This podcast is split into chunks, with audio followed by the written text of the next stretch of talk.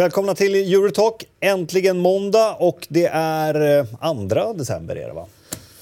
Christian? Visst är det så? 2 december, Det var ja. första igår så jag tänkte, borde det vara. ja, ja då så, du, du är säker. Mm. Men du bara frågar i alla fall. Firar du advent? Eller säger man fira ens? Ja, ja, men jag gillar ju advent, absolut. Har jag fått fram eh, adventsstaken? Nej. Men den kommer. Jag var, Singular, märk väl. jag var letade efter alltså, eh, adventsljusstakar där man kan ha levande ljus. En klassisk sån här eh, rektangulär och så har man lite mossa i. Går inte att få tag i. Skojar Är det? det Finns sant? inte. Nej, men nu ska det vara alla möjliga konster. De ska vara runda och de, jag vill ha en klassisk sådär. Jag gick inte att få tag i. Klart det går. Ja, men inte. men Jag det var i... Kolla på Eh, nätet såklart. ja, men nätet. Jag gillar inte att beställa grejer på nätet. Nej, okej. Men det jag kopplar det till- liksom till är väl den här gamla, alltså en låda, vi har någon sorts, i mitt föräldrahem en sån här metalllåda med liksom fyra ljus man ställer. Då ska de ju vara lite så här på att den ena har brunnit lite mer än vad den andra Eldfarlig mossa i också. Ja men precis, det ska ju vara lite så här mossa och, och en liten... Ja, det måste vara lite risk. det måste vara lite... Lite risk i livet. mår man bra av. Eh, Makoto, välkommen hit. Tack. Eh, du har ju eh, haft för dig väldigt intressanta grejer. Ja, på tal om risk i livet höll jag Ja, på att säga. verkligen. Eh, nej, men jag är väl relativt färsk från en eh, helg i Ukraina. Och Så- inte vilken, Nej, jag- vilken del i Ukraina Jag trodde du syftade på att han varit på Aftonbladet. Det var det. Det är också en risk. Ja, det, det, det är farligt Ja, höll jag på att säga. Inget säkert hus. Nej, men uh, Tjernobyl var jag över dagen i lördags och besökte Pripyat och eh, det som finns där. Det är ju, de säger att det, ska vara, det är säkert nog och att enligt då upp, vet du, uppgifter så ska det ju vara lika mycket strålning som en inrikesflygning man får under en dag. Man har ju så här mätare och så vidare också. Men sen är man ju ändå ganska rädd och ganska försiktig väl när man är där och tittar runt och ser allt det här. Han liksom. lyfter inte på saker. Och... Man rör inte saker. Jag tror inte jag rörde något under Men du dagen. ser alla dessa djur då? Som ju, det, är ju, det är ju ett naturreservat nu helt plötsligt. Ja, eller men det är hundar överallt och allt möjligt också. Um, guiden vi hade sa att men hundarna är inte radioaktiva, de kan ni klappa och göra vad ni vill med. Och folk tog ju upp dem liksom, och tog foton med dem. Jag fattar, hur vågar man?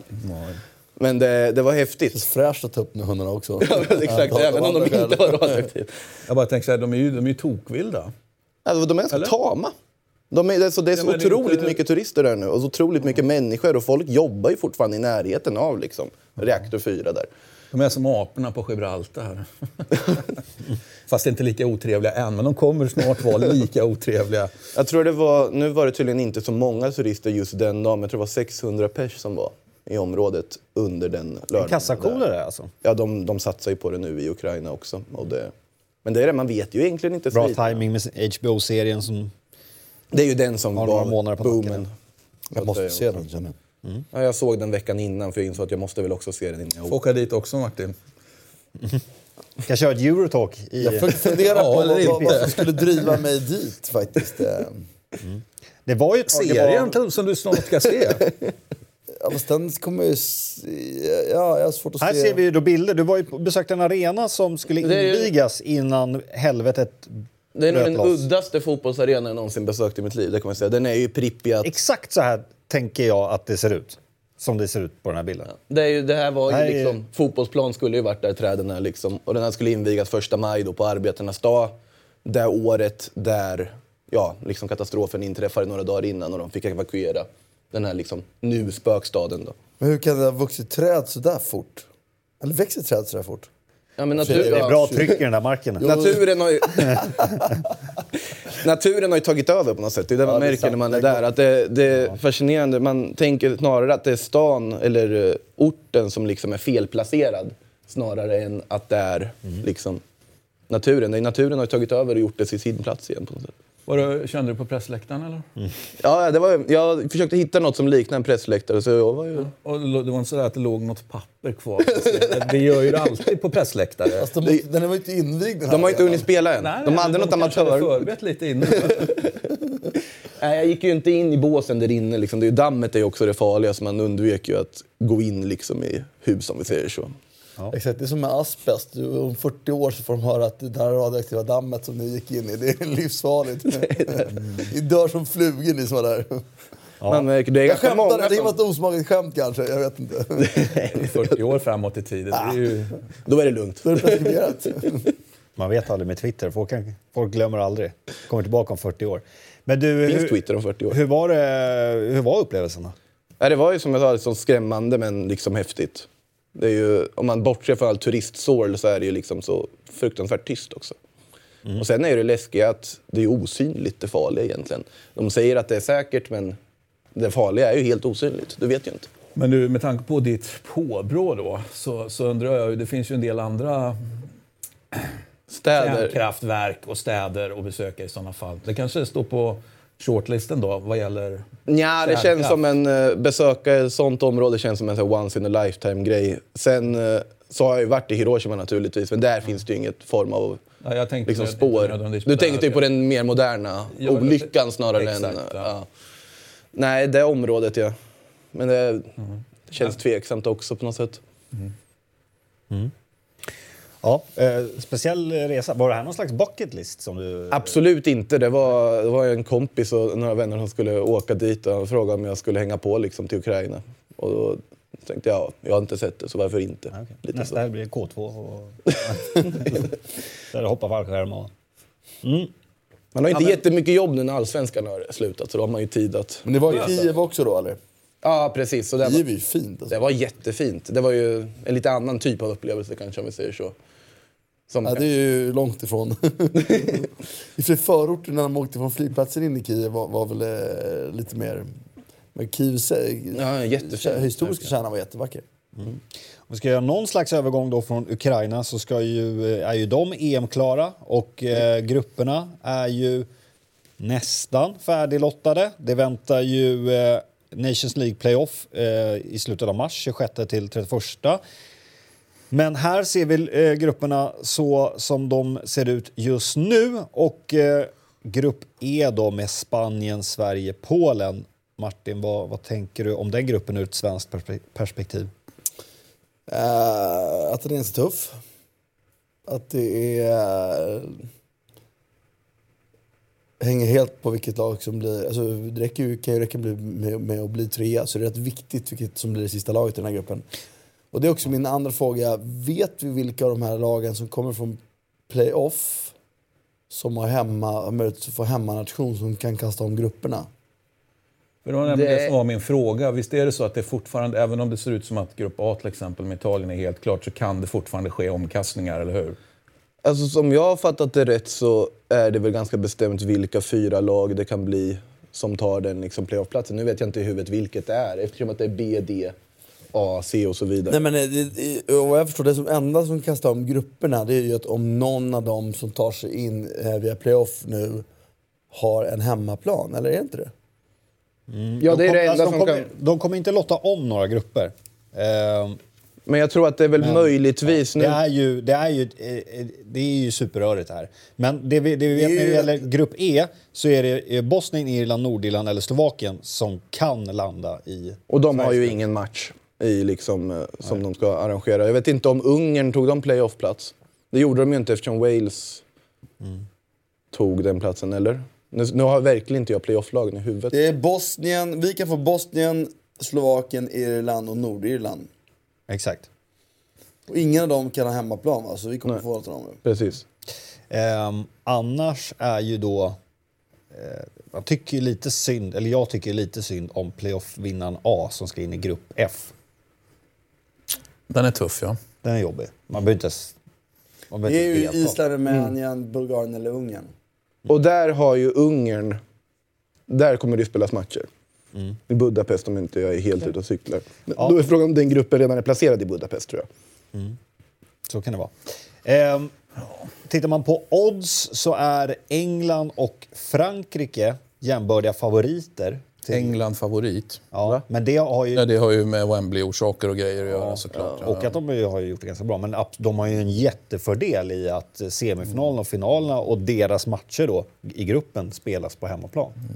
För de har väl Dublin som andra ort, eller Glasgow, någon av dem är det ju som andra ort i den gruppen också. Ja. Eh, Sverige har ju fått en ganska bra lottning ur den synpunkten också. Nu vet jag inte hur det ser ut med kvartsfinaler och så, och åttondel. Men att man börjar i Bilbao och sen har två raka matcher i Dublin. Är det ju efter det. Då var det Glasgow jag i grupp D såklart. Eh, Så att man inte behöver liksom åka fram och tillbaka. Jag tror Schweiz har väl något sånt mardrömsschema där man måste åka Baku, Rom, Baku, Amsterdam och om man går vidare därifrån Baku igen. Om man skulle komma tvåa i gruppen, vilket är ett sannolikt scenario. Och det är ju alltså det är helt förkastligt att man gör sådana här mästerskap kan jag tycka. Ur miljö, miljösynpunkt, vilket vi aldrig tänkte på när det dök upp, är det ju verkligen förkastligt. Tills vi har löst bättre... Det är inget bra signalvärde att folk ska resa överallt. Eh, övrigt så är jag ju fortfarande... Jag tror att det här kommer bli publikmässigt det bästa EM. Alltså vi, när det finns fotbollsfester överallt. Fotbollen är den stora vinnaren i den aspekten. Det får inte ske på miljöns bekostnad. Så att i den aspekten så blir det fel. Men om man hade bortsett från det, vilket var vår, hela vårt ingångsvärde, så tror jag att det här blir... Det kommer bli succé när så många länder får ta del av fotboll på det sättet. Det är vad jag tror. Bra. Och jag, det är hela min så här, fotbollen vi, vi, vi ska växa liksom. Ja. Vi ska äga världen. Och, eh, och majoriteten Och du hade varit för ett VM över hela vär- världen också? Ja, men det har vi sett om tidigare. Jag tycker att VM kan vara fler. Men låt oss bara påminna om alltså att det fanns ju faktiskt en gång i tiden som EM såg ut åt det här hållet i alla fall då, där man inte hade slutspel utan där det var liksom kuppspel hela vägen fram. Det vill säga EM var spritt i hela, ja, hela Europa. Då. Så, att, så att det, det är ju någon slags tillbakagång till det kan man ju tycka. Eller tycker jag i alla fall. Alltså, det, det, men... Jag gillar ju ehm, tillbakagång. jag slår, det slår mig också att det är ju det är jävligt tufft ändå i EM. Det är många... Vi har inte den riktiga spetsen möjligtvis. Men europeisk fotboll står sig i alla fall under min levnadstid bättre än någonsin relativt världen skulle jag vilja påstå. Eh, faktiskt. Och det kan, har vi ju pratat om tidigare. I VM har det varit väldigt tydligt Europa, Europa har verkligen dominerat på ett sätt som de inte har gjort. I alla fall sagt, inte under min levnadstid och kanske aldrig. Ja, det senaste om inte annat var det ju verkligen. Nej men det har ju varit, tittar de fyra sista så är det ju det är en otrolig jävla... Vi krossar ju resten av världen. Så EM är ju typ tuffare att ta sig vidare från än att ta sig till kvartsfinal i VM nästan. Liksom. Sen är jag allergisk mot 24-laget mästerskap dock. Ja, Alltså att eh, det är ju, det är ju det är nästan en bedrift att matematiskt åka ganska ur. osnyggt håller jag med om. Det är ju be, det är nästan en bedrift att åka ur när det ska vara liksom bäst placerade treor och så vidare som ska vidare. Det som är bra med 24 är ju att det är Ledesmas tröjnummer. Men du Christian, estetiskt snyggt nummer, matematiskt dåligt. Ja, jag. Jag undrar om det används som argument för liksom utökandet ändå. jag känner att... Nej, det gör jag faktiskt inte. Jag tycker att... Eh, jag gillar den här gruppen för, för Sverige. Eh, Inte Polen, passar inte de oss dåligt eller? För att vara ett land av den kvaliteten menar jag. Men med tanke på hur Polen har, har vikt ner sig i Ja. samtliga slutspel. jag vet så inte. dåliga de var i VM. Men det var VM och det var då. Men ehm, får Sverige behålla, det inte dyker upp massa skador under våren så eh, tror jag absolut att vi kan slå dem. Spanien har vi visat att vi klarar av. Skönt att vi har haft dem. Kanske lite tråkigt så, det är kul med ett annat lag. Men vi vet ju hur vi ska ta dem. Och så kryddar vi med Kulusevski nu så, så, så, så spöar man Spanien också. Är Jag tycker så. spontant att Spanien känns som en mardrömsmotståndare för oss. Alltså, men jag håller med om att jag tror att vi har att vinna på att ha mött dem två gånger i kvalet. Mer än vad de har eh, att vinna på det. Men, men Och de har ju också underpresterat i de sen- senaste slutspelet. Jag dessutom, menar, och det är ju Spaniens historia. De underpresterar ju alltid. Men samtidigt, om vi tittar på... Vet vi att det kommer bli lite förbundskaptenskaos där också. Ja. Ja. Ytterligare en. Ytterligare kaos. Men det är ju två möten med Spanien i gruppspelet som har varit... Eh, vi har varit otroligt utspelade i stora delar av matcherna. Så att det, Mm. så är det. det kunde ha varit 0-6 mot dem på två möten. Det hade varit det liksom rimliga sättet hur utspelade var även hemma. Liksom. Så att det är mardrömsmotståndare rent spelmässigt. Men, men eh, Men det räcker i princip med ett bra, ett bra resultat i en av tre matcher för att ta sig vidare. Då. ja, det är därför den sista motståndaren är så himla viktig. Därför där ska vi ta tre poäng. Gör vi det så har vi extremt bra chans att ta oss vidare. Eh, men, men att komma till en kvartsfinal i EM, det känns, ja, det känns tufft. Jag har sett folk som börjar prata liksom semifinal och grejer. Att man har liksom, nej, jag tror att man ska dra ner förväntningarna lite. Sen tror jag absolut att man tar sig vidare från gruppen oavsett vilket lag som kommer in. Men sen hur långt man går efter det, det får man ju se. Ja. Favoriter sa du? England och Frankrike på förhand? Ja, oddsmässigt är de eh, jämbördiga favoriter. Och det är väl kanske inte så konstigt. Eh, men vad säger du om grupp A då? Italiens grupp? Turkiet, Wales, Bra. Schweiz? Ja, men, ja, det, det känns ju bra med, med italienska landslaget just nu. Ehm, Så att det, det känns eh, som en utmärkt grupp att, att göra sin grej i. Och så räknar jag med att Italien då eh, vässar sig liksom in mot slutspelet och såklart. Italien, Belgien, Holland, England, Spanien, Portugal, Frankrike, Tyskland. Alla de länderna skulle man ju vilja se oddsen på, vad, vad det ligger på. Jag har svårt att se att Frankrike och England ska vara favorit, så stor favorit för Belgien andra. är strax där bakom. Men, och så räknar folk, alltså, ja. Det känns ju spontant som en av de roligaste grupperna tycker jag, alltså grupp B. Sett till både för fans och alltihopa också. Du har Danmark, Finland i sitt första mästerskap, Belgien, Ryssland och sen Köpenhamn och eh, Sankt Petersburg som spelorter. Kommer ju bli en rejäl fest. Finland, liksom. Ryssland finns ju en uh, Ja. i. Men de, de, de, är men de är inte separerade av Uefa-regler då som alla kommer, andra. Där kommer, ju- där kommer ju ben gå alltså, i den matchen. Och Finland kommer vinna den matchen. Eh, så är det med det. Eh, ska vi gå vidare då? Och, eh, vi, vi hade ju Champions League, jag tänker vi kan ta det lite kort. Det har ändå gått ganska många eh, eh, dagar. Men eh, från, från tisdagen hade vi ju eh, Real Madrid eh, som var ju en väldigt eh, underhållande eh, fight eh, som slutade 2-2 och Juventus som vann med 1-0 över Atletico. Och så fick man backlash i ligan, men det kan vi prata om lite senare. Mm, exakt. En av de bästa matcher Real Madrid gjort på väldigt länge måste jag ändå säga. Real Madrid ser ju klart på. Det såg oerhört bra ut i den matchen. Sen att man släpper in två mål, det är ju en sak. Liksom. Det är ju, och det blir till och med bra. För att det, eftersom Real Madrid bevisligen fortsatt under Zidane är, är mer spelarprestationsdrivet och storhetsvansinnet ligger och lurar där. Det är väl bra att de inte får med sig resultaten fullt ut utan så att de fortsätter att jaga. För jag tycker att de är... är det, Jobbig skada på Assar dock, men det verkar inte vara borta Nej, det så var väl länge. 10 dagar eller något sånt där, eller 14, så att det är ju Det är klart att, mycket han, bättre. än- att han behövs, inte minst. Och jag tror att det jobbigaste med det är ju att han hade nog behövt kontinuiteten att spela. Exakt. Än så länge är betydelsen av honom för laget tycker jag är ganska liten. Liksom. Han, är, han är bra, men Mm, då är ju Benzema en mycket viktigare spelare för dem till exempel. Och en del andra. Kul också att se tycker jag, Isco som har varit på gång igen. Det är sjukt att man, Ja. honom räknar man verkligen ut efter... efter Varje år räknar man ut honom. Ja, men någonstans har han, alltså, han har varit riktigt dålig. Men på något sätt funkar han under Zidane på ett sätt som inte... Han var också bra i helgen i ligan tycker jag. Så att, Också Fede Valverde har fått komma in och spela liksom ordinarie i princip nu sista tiden. har varit jätteviktigt. Så otroligt spännande spelare. Och Uruguayan också, det gillar ju Varför Borrell. tror du jag ler? Ja, precis. Nej, men alltså, otroligt komplett mittfältare. Liksom, kan göra det mesta. Liksom, bolldrivande, kreativ. Nej, Och en sån jättekul jävla ungtupp. Så jag menar, var ska det sluta? Det är också intressant att att Uruguay får fram mittfältare av kvalitet och Argentina har inte ett skit mittfält. Och Mitt, det historiskt sett.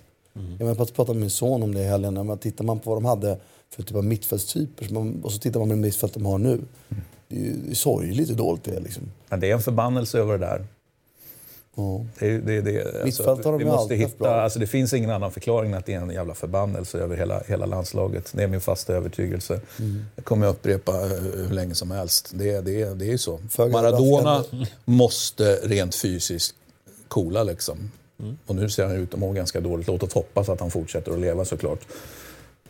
Mm. Men det, det blir inte ordning på det förrän, förrän det. det, det tyvärr, Mm. Argentina. Det är inte Messis fel alltså. Ja, det beror ju på hur... hur nu, nu vet du vilken diskussion du gick in på. Hade han varit en större fotbollsspelare än Maradona, då hade han ju såklart kunnat... För en större, Hantera en större ledare menar du? Eller större ledare. Jag menar större fotbollsspelare också, men kan, den diskussionen den har vi haft så många gånger. Men, men eh, ledare, absolut. Den att- den är, ju, är vi överens om. Ju. Det är ju faktiskt det som man, man slås mest av när man ser den här filmen om Maradona. Eh, är ju hur vältalig han är och vilken typ ledargestalt det ändå är på ett sätt som väldigt få fotbollsspelare i historien har varit. Liksom. Som spelare slås man tvärtom om hur fan dåligt fotbollen var. Det är sorgligt hur dålig den var. Liksom. Det, känns, alltså, det Argentina som vann VM 86 skulle ju inte eh, kunna spela division 2 i Sverige kändes som man ser det. Herregud. Nu har ni aldrig varit så långt ifrån varandra som Men som- Nej, nej, vi, vi är ju ofta det och sen är vi, sitter vi i samma båt då och då. Så det, det, det är ju en del av charmen. Absolut. Och en del av... eh, Och vi är överens om vilken eh, otroligt fascinerande ledarpersonlighet han ändå det tycker jag, om man inte fattar det när man ser den här filmen så... Nej. Jag såg dokumentären när han tog över det här mexikanska laget eh, som jag glömt namnet på nu. Dorados. Ja, exakt. Kan vi Eh, glömma igen vad nej. namnet, är menar jag. ja, när, när, och när Inte han, helt viktigt för historien. Nej, och, och eh, dokumentärteam då som följer när han eh, kliver in där och, och han har ju under tiden lite hjärtproblem och, och, och sådär. Men, men han tar, det, de spelar ju då i, alltså, i andra ligan och han tar dem ju från botten tillsammans då med assisterande tränare som ja, det är svårt att bedöma hur mycket han har eftersom allt fokus är ju på Maradona. Men han tar ju dem från botten till det här slutspelet och final två säsonger på raken. Eh, vilket är rätt fascinerande. Mm. Ja. För att det är lite så här, första känslan jag såg i dokumentären var så här, det, det, det, är, det är bara liksom, det är en cirkus runt Maradona och, och det, han är lite som en tomte som springer runt. Ja, Och det det är är liksom, lite lyteskomik över det, Exakt. tyvärr. det Men så ser man ändå så här, han knackar ju in resultaten. Förvisso i mexikanska andra ligan. Eh, jag har inte det är stenkoll på hur den funkar och vad alla... Och han är ju också då i den här eh, knarkstaden eh, som är liksom... Ja men det är som att han... Nej. Han passar, ju som, han, Symptomatiskt. han passar ju som handen i handsken i det där kaoset. Han kan ju parera det. Liksom. Han, eh, vad heter det? han gör det ganska bra med Gimnasia, eller gjort det också resultatmässigt. De låg väl tok sist när han tog över de argentinska ligan och sen tog de ganska bra resultat efter det. Sen så avgick han väl för att komma tillbaka direkt efter och allt vad det var. Jag vet inte riktigt. Men om man klarar av liksom allt runt om så verkar han ju inte vara helt liksom vilsen som tränare heller. Jag att är om vi återgår till det vi började här med nu så, så det var ändå en rolig omgång tycker jag. Där vi pratade Real- Real Madrid, PSG. Där Real Madrid var bra, PSG är lite svaga men ändå blir 2-2. Bayern München känns ju liksom... Trots alla de här svängiga resultaten så det finns en höjd där som kan ta dem hela vägen. Ja. Roligast tyckte jag ändå var Atalanta som jag tycker har varit bra spel, mest men inte fått med sig resultat. Vinner de mot Shakhtar borta den här sista omgången så går de faktiskt vidare. Och det tycker jag bara en sån sak är... För jag utgår från att City inte förlorar mot Dinamo Zagreb. Eh, det tycker jag är, är... Eftersom jag är svag för Gasperini, svag för Atalanta såklart. Det är väl de flesta för det deltagandet där. Och dessutom tycker jag att prestationerna spelmässigt bitvis har varit riktigt, riktigt bra. Liksom. Så att, eh, och det, jag tycker också det är roligt att det är mycket som lever inför sista omgången ändå. Ja, ja, Det absolut. såg ut att kunna bli en annan typ av avslutning. Och, vi, och på något sätt så är, fortsätter det här. Att det, det är några lag som såklart går bra, men det känns ändå lite jämnare igen i Europa på ett sätt som... Men Barcelona, Dortmund 3-1, det var, Barcelona var inte så himla bra liksom. Inte det heller. Och Dortmund var inte, inte bra just nu. Så att, och Liverpool-Napoli gjorde jag själv på plats. Liksom. Det var ju också fascinerande att se. Och, ja, det, ja, det är bra. Champions League är bra fortsatt. Väldigt bra match Valencia-Chelsea också där tyckte Ja, jag. Otroligt bra. Jag såg inte Ja, sy synd där, eller tycker jag såklart att det är synd med Spanien-kopplingar och allt, att Valencia ändå inte får med sig tre, för de var väl nästan förtjänta av det på något sätt. Liksom, att få med sig Ja, någonting det var inte mer. en jättebra insats av Chelsea. Nej. Men ändå åka därifrån med en poäng. Och det den är liksom gjort. jätteviktig inför, liksom, i och med att Valencia nu i princip måste åka till Amsterdam och slå Ajax. Och Ajax är jag ju jätteimponerad av ändå efter den där säsongen fortsätter att spela så här pass bra. Hur Hakim Ziyech fortfarande sitter där och ingen värvar honom är ju ett mysterium, alltså, tycker jag. För Lill tar väl inte poäng mot Chelsea nu? I sista. Inte när Chelsea måste vinna tror jag, inte i det här läget. Men Ja, det, man vet ju inte heller. Lille är ju bättre än vad den här resultatraden visar också. om så. Chelsea tycker jag ändå spelmässigt är lite, lite, lite vikande. Trots allt. Absolut. Eh, även om jag håller med, eh, eller eh, håller med ska jag inte säga, för jag såg inte. Men om det nu är så att Chelsea hade lite tur den här gången så måste man ju vända på det. När Chelsea förlorade hemma mot Valencia så missade, missade Chelsea straff. Chelsea var, då var typiskt. klart bättre. Valencia är ett lag som är väldigt bra på att få resultat som inte speglar matchbild i allmänhet. Åt olika håll om vi säger så.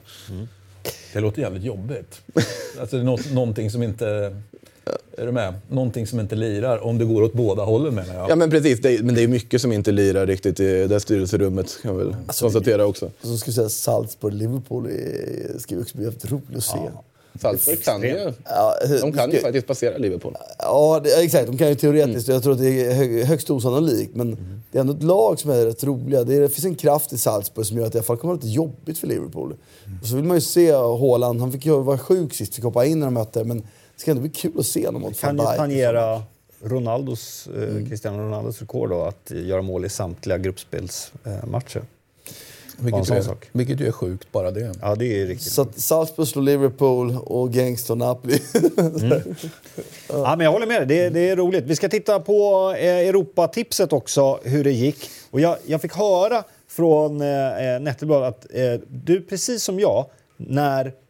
Vi, vi plockade ju 11, det får vi säga ganska bra i en lurig kupong här. Men att både du och jag, när Unai Emery fick dojan så ångrade vi lite eh, vår helgardering på eh, Norwich Arsenal. Men det visade sig ändå att det var rätt.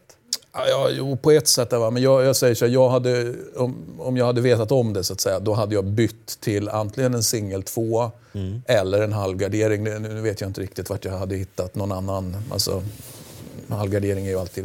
Värdebremmen kanske? Jag hade i alla fall eh, haft den ansatsen att, att, att byta tecken. Match 13 lottades ju, eh, men det blev tvåan. Den är uppskjuten den här matchen. Eh, så att eh, det var ju, fördelningen var ju eh, 3-3-10 tror jag. Och så åkte man på United också. Det är, så bedrövligt. Jag frångick, jag frångick ju min regel, jag hade lite olika regler mot varandra. Liksom. Det är ändå att Eh, än så länge har vi inte sett tillräckligt mycket av United så den måste alltid helgarderas. Men så tyckte jag, men, men, men, men Arsenal är i fritt fall. Jag måste helgardera Arsenal. Så den ena liksom slog ut den andra. Ehm, ah, United. Ah. Ja, ing, eh, jo, eh, såklart Borrell. Helgardering på Napoli-Bologna. Det är snyggt jobbat. Alltså, säga. Ja, men det är ju fortfarande en extremt svårläst situation. I, det kanske vi ska prata om längre fram, om vad som händer i, i, i Napoli. Och Nu hade vi ju inte eh, Champions League-matchen med och vi tippar ju innan Champions League-matchen, eller hur? Nej. Torsdag. Det var väl i torsdags ni spelade in va? Ja, men vi lämnar ju in på onsdag, Ja, på- ganga tidigt Ja, på Då onsdagen. kan det ju ha varit.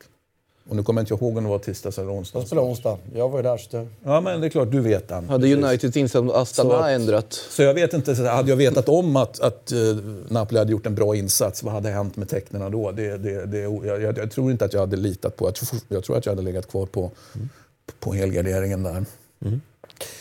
Pengar då? Blev det någon utdelning på det här om det var en svår rad? Ja, vi får väl titta och se om vi har resultat. Ja, 160 kronor blev det. Så att eh, det blev, ja, det blev ju pengar men ändå inte då. Alltså, Insatsen var hög. Det är ganska jämnt fördelat på pengarna då får man nog säga. Det är ju bara David som sticker ut. Men det måste väl nästan till 13 rätt för att kunna gå, alltså gå plus, eller? Om man lägger sådana stora system. Ja, bara en tolva kan du ju absolut. Ja, på en bra, bra dag. Nya tag. Det är ju Europatipset eh, på onsdag med eh, Premier League-matcher och eh, såklart på Eh, söndag i, igen i vanlig ordning. Och eh, ni följer ju Eurotalk Weekend där vi snackar upp de matcherna. Nu ska vi ta oss till England.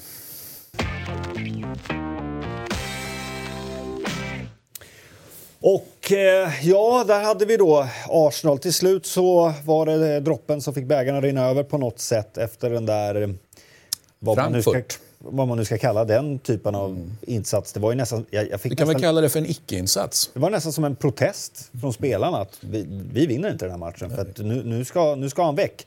Och till slut så eh, fick han dojan och Emery. Ljungberg eh, tar över. Om det, det, det tisslas och tasslas ju lite om det ska... Är det bara interim eller kan de tänka sig att han ska köra fullt ut?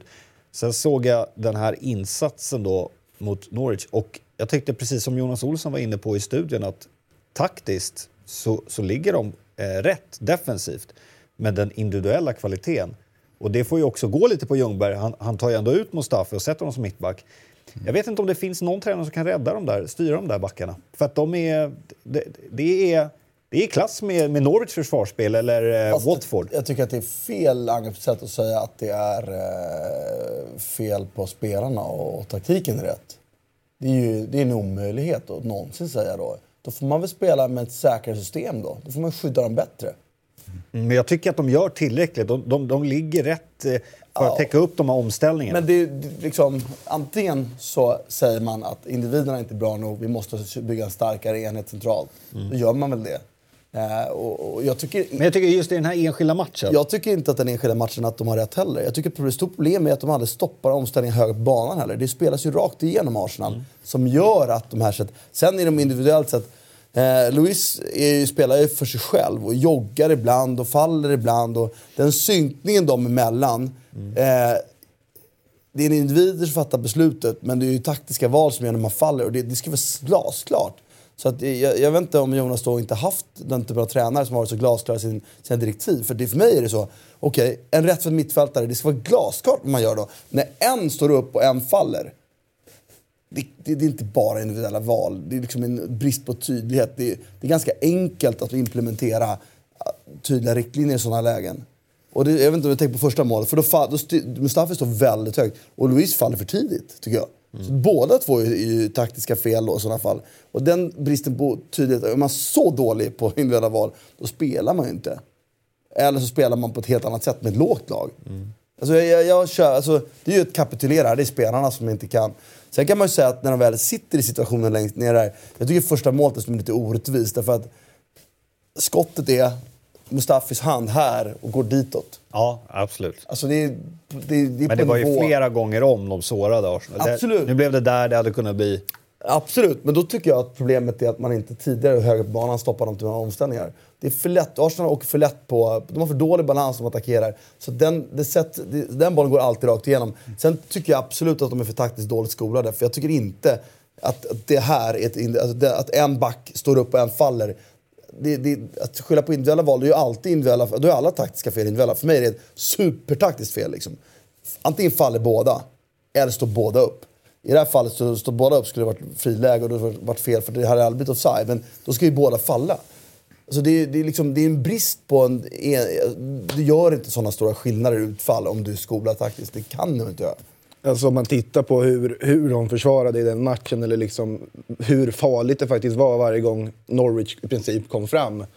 Då känns det som att alltså, det måste till något väldigt mycket mer basic och bara säkra upp så det ser någorlunda okej ut. För det där var ju det var faktiskt nästan tragiskt att se till exempel Mustafi som kommer tillbaka och, och det ser ut på det sättet.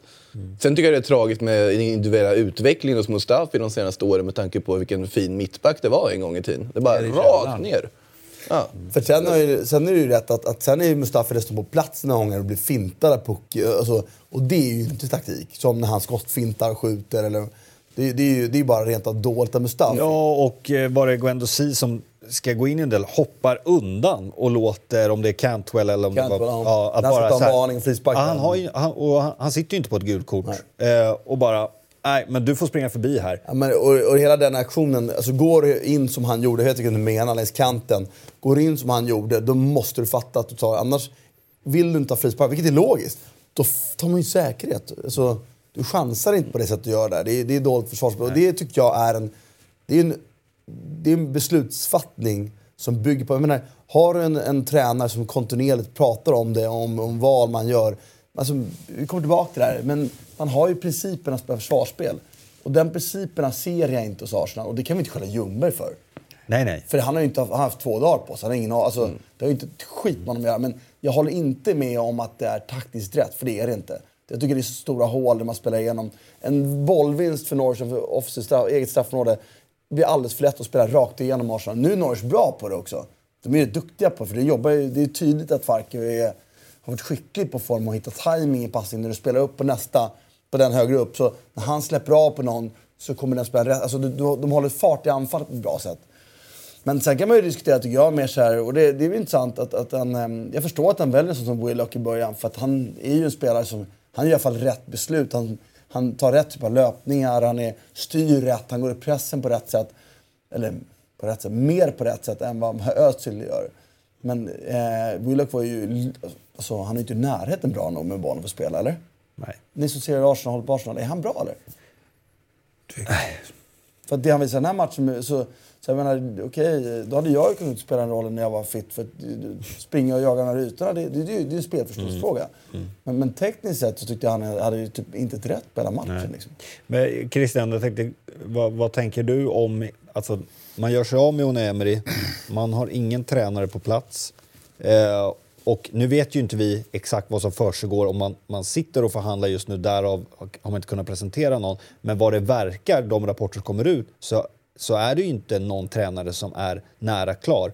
Då hade det varit det så tror jag i alla fall att då hade de uppgifterna sipprat ut någonstans. Att det är nära att det blir den här tränaren. Nu snackas det ju om till och med Brendan Rodgers, Rodgers att han har en utköpsklausul.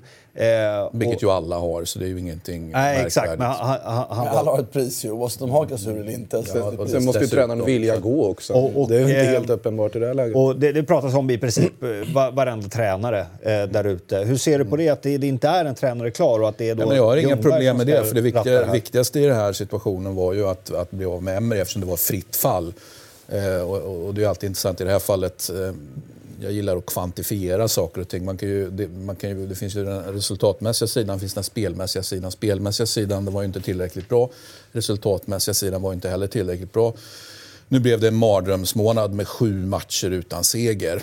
Så att liksom det fanns, fanns ju liksom inget positivt. Man kan ju alltid vända och vrida på det där. Hur länge kan man gå utan att få eh, sparken då? Eh, det vill säga, hade det sett bra ut spelmässigt om man hade känt att fan, ja, men Emre är på rätt väg. Han har en ja, men har en lysning, eh, lösning, han har en tydlig idé. Då, då, hade man ju, då, då är jag ju stenhårt för ett enormt eh, förtroende och långsiktighet. Och då behöver man liksom inte släppa en tränare. Men här tycker jag var, var. Eh, jag hade ju önskat kanske att de hade gjort det till och med en, en eller två matcher tidigare då, eller, eller, eller kanske helst i, i somras då, om man nu ska ta det perspektivet. Men det var ju akut kris nu det, och, och, och därför är jag nöjd.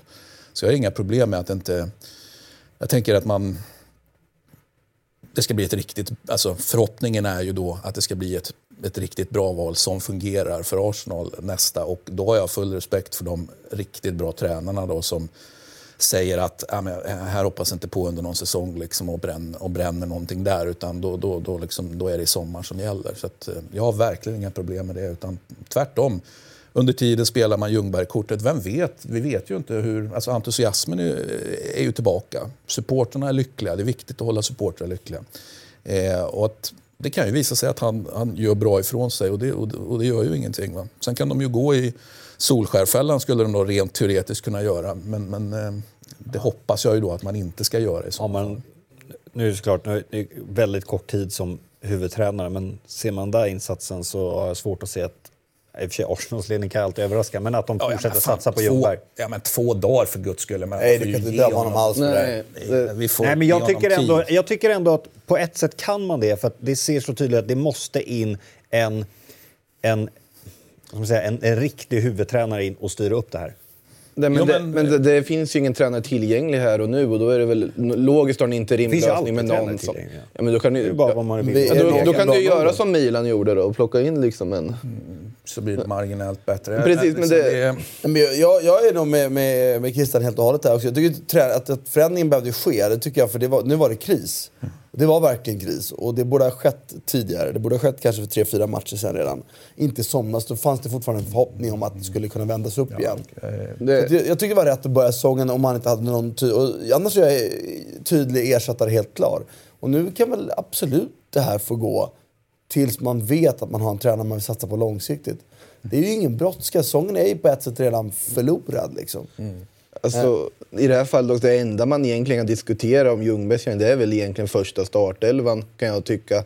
Eh, det är ju en svår balansgång det där om du tar över ett lag, du har inte haft någon tid att sätta din prägel på laget. Eller liksom, då, såklart är klart att han har sett träningar och så vidare och har en idé.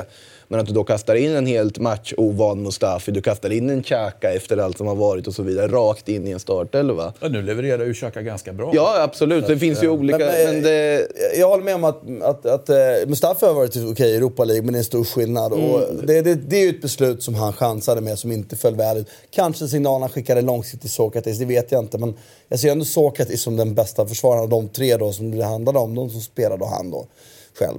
Eh, jag tycker att det var Xhaka skulle in. Det var ett jättebra tillfälle att slänga in Xhaka. Att prata om det med clean slate som han gjorde. Det är ju, för det är ju svåra är ju... Som mittfältet ser ut i Arsenal så kommer Xhaka behöva användas. Det är det inget snack om. Sen att han kanske inte spelar varenda match ordinarie. Men kom igen, det, det är ju ont om bra spelare i den lagdelaren. Så att han måste ju nog spela. Så ett jättebra tillfälle liksom att och nolla det där. Som var, det var en utmaning för Emery att göra. Jag tror Emery inte hade velat peta honom alls egentligen. Ju. Eh, däremot tycker jag att, att ja, men nu är det väl läge att spela, definitivt prova, om man nu ska hålla fast 4-3, men nu är det dags att prova något nytt nästa gång. Då kanske man ska spela med Torreira som en av dem. Sittande med, för rent taktiskt är han ju bättre än de andra två. Eh, han har bara problem, som vi pratade om tidigare, med sin fysiska... Liksom, han hinner inte och kan inte alltid. Men om då de andra inte gör taktiska bra val, då kanske han ska vara första valet där någon match nu då. Det blir ju sjukt intressant att se hur han spelar i veckan. För det är ju liksom han har, till skillnad från Ole Gunnar Solskjaer, varit med och sett saker och vet ändå mycket mer om spelarnas status. Mm. Så han borde rimligtvis snabbare kunna dra slutsatser om någonting eh, som kan funka. Så det är därför, det är liksom, jag drar ingen slutsats alls av matchen, match 1. Möjligtvis att han chansade Mustafi, det var fel. Eh, nu match 2, vad gör han för förändringar? För då får man ju se, då har jag ju nu en match att titta från, för det drar han ju slutsatser. Han är ju inte se någonting på träningen till match 2. Nu handlar det ju bara om från match 1 till match 2. Och då kan man börja prata om val, tycker jag. Han kan ju verkligen klubben bokstavligen talat om man säger så. För eftersom han har varit där också. Inte bara... Han vet Framförallt kan han ju laget, spelarna. Är man med och Ja, ser varenda träning, då får man en inblick som man, som man behöver. Jag menar, vi pratar ju ofta om saker och jag brukar alltid flika in den brasklappen att nu vet inte jag hur bra de har varit i träningen. Typ, vi kommer till Juventus och så får Bernadeschi spela hela tiden som har varit så dålig match efter match. Okej, han kanske är svinbra på träningen, det kanske finns någonting där. Det ser ju inte vi. Och det måste man ju liksom ha respekt för att det är ändå en avgörande grej, någonting man ser kanske på hela träningen. Man vet att chansen att det här kanske lossnar. Nu match 1-2, äh, då finns det ju inget sånt att läsa av. Det handlar ju bara om vad, vad, vad slut, vilka slutsatser han drog av match 1. Sen kan han ju faktiskt spela ut det här kortet som också är en flört med, med supportrar såklart. eh, Att, att han då har haft många av de unga spelarna. Att han, han kan ju faktiskt välja ut några av de unga spelarna och verkligen göra till sina gubbar här. Va? Det, det finns ju ett sånt Absolut, men är de bra också. nog då? För Ja, jag det, är, tycker- det, Willock, det, det är ju upp till honom och... Saka, Ja, men så han får ju någonstans bestämma det. Jag bara säger att han kan...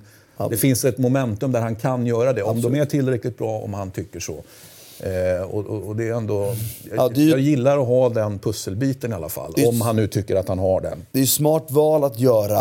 Eh, Ja, nu när det ändå är kört. Exakt, för då köper det också honom ännu mer tid och det kanske stärker Arsenal på lång sikt eftersom de här spelarna otvivelaktigt, om de är färdiga nu för att spela, det, det vet vi inte, men det är ju enormt stora talanger. Så att någon av dem kan ju, deras talangutveckling kan ju skyndas på, men i slutändan kommer det ändå handla om hur bra de är. Man kan liksom inte trolla med, man kan inte göra något annat än att eh, liksom, möjligtvis ge dem lite extra chansen. Det som är, var ju anmärkningsvärt om man ska inne på det festen, är att PP inte fick komma in alls. Eh, Ja, det är ju en uh, Är inte det en markering skaff. också då? Jo, och kanske nödvändigt sådan som, som han sett på träningen, så det vet jag inte. Men, men ehm, det är ändå spelare vars höjd jag tycker vore intressant att exploatera. Till skillnad från Özil som jag eh, liksom blev för överraskad att fick spela så lång tid. Det är ingen dålig spelare, men jag ser ju inte en, en långsiktig utveckling med honom där.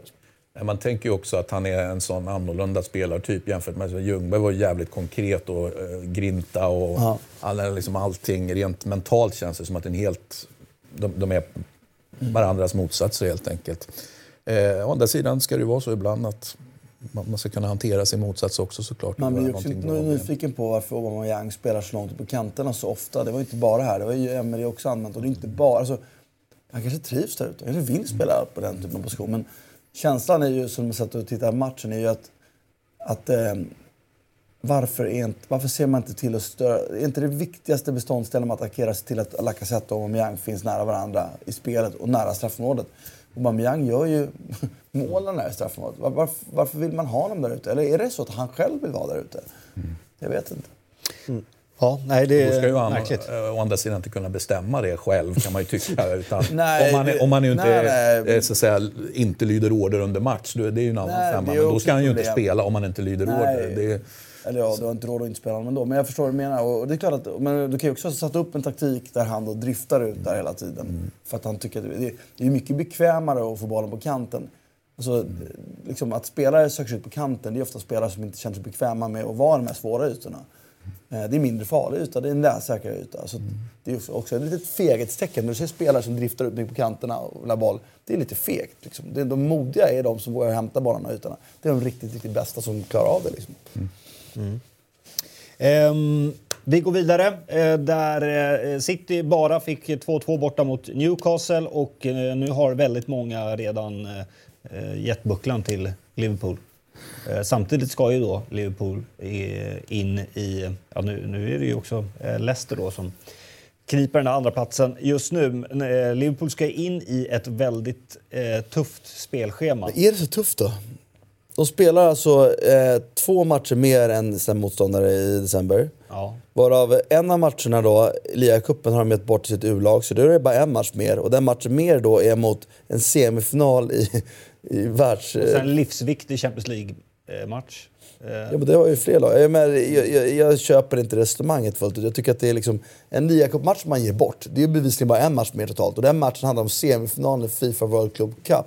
Som är en match mot ett lag som spelar typ på mitten av Championship-nivå, Det eller? är fortfarande två matcher på två dagar som men det är- berör hela det är- klubben och de ska iväg och resa. Och, eh, Ja, men den matchen ska de skicka sitt, har de kommunicerat att de ska skicka sitt jo, jag vet, men det är ändå klubben som ska...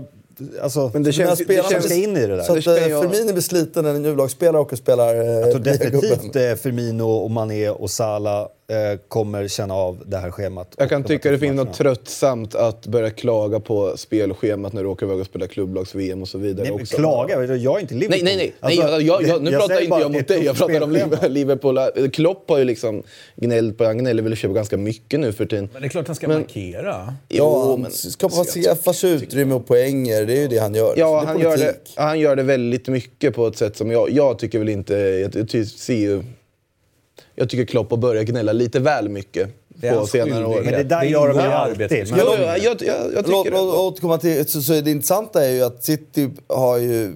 Liksom, de betalar ett så otroligt högt pris eh, på det vi på förhand sa var en risk. Det vill säga den här backlinjen. För backlinjen är ju det stora felet. Jag menar, de är ju mycket bättre mot Newcastle relativt sett än vad Liverpool är i sin match. Så City kör ju relativt, jämförelsevis kör de ju över Newcastle. Med allt att målchans skapar. Men Newcastle gör mål på de två och det är inte Newcastle bara som är bra. Det är för att de spelar ett uselt försvarsspel. Fernandinho är inte bra som mittback. Han klarar vissa delar svinbra men han, positionellt så har han inte. Och det, jag säger inte att eh, Otamendi och, och Laporte och Stones har varit briljanta i den aspekten men de har varit klart bättre. Inte Otamendi kanske men... Laporte har ju varit Laporte var bra, exakt. Och Stones är ändå en rätt okej mittback. Liksom. Så, och det sa vi när vi gick in i den här säsongen. Det är en risk och den betalar de väldigt högt för. Och den andra biten är ju att, att eh, också Agüero inte spelar så är Jesus inte tillräckligt bra helt enkelt. Men där kan jag, den, den matematiken kan jag leva med. Liksom, för att du kan inte ha två världsklass, eller kan kan du väl. Men Men känslan är väl ändå att det här går mot sitt slut nu. Får du inte Ja. det? Alltså, Lite fortare än vad jag trodde. är påtaglig att Guardiolas tid i City, ja, men det är faktiskt finito nu. Det, det betyder inte att det är jättedåligt, utan det bara betyder att det inte är riktigt lika bra som tidigare. Det Men, blir, och- men grejen är, spelmässigt är det ju egentligen lika bra som tidigare. Men det är ju att de, Ja, men, de får men inte... De, skallen och... Nej, men de har ju för dåliga backar helt enkelt. Det, det görs ju, apropå du pratar om Arsenal, men här görs det ju misstag som, och där tror jag Guardiola aldrig har lagt så mycket tid på heller, om jag ska vara ärlig. På att, att det, det är inte viktigt för att sätta positionerna, utan det är ganska mycket upp till de här spelarna att göra det lite själva. Och när man då får in Fernandinho som faktiskt har lite svårt att veta vad han ska spela. Han gör mycket små misstag som, som kanske inte syns så då för, för, för att han inte blir straffad för. Men det blir, när det väl kommer så blir det ju misstag. Liksom. Nu. Guardiola kan ju inte pricka rätt med varenda positionsförändring han gör heller på något sätt också. Men ja, det känns ju på något sätt som att det, de kan behöva någon form av nytändning, någon form av...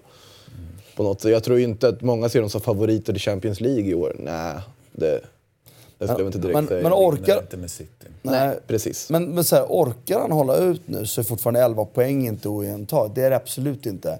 Men givet den trupp de har nu känns det jävligt svårt. Men skulle de köpa Koulibaly, vilket jag typ är den spelaren jag skulle rekommendera dem att köpa alla gånger i världen. För de behöver en back som är...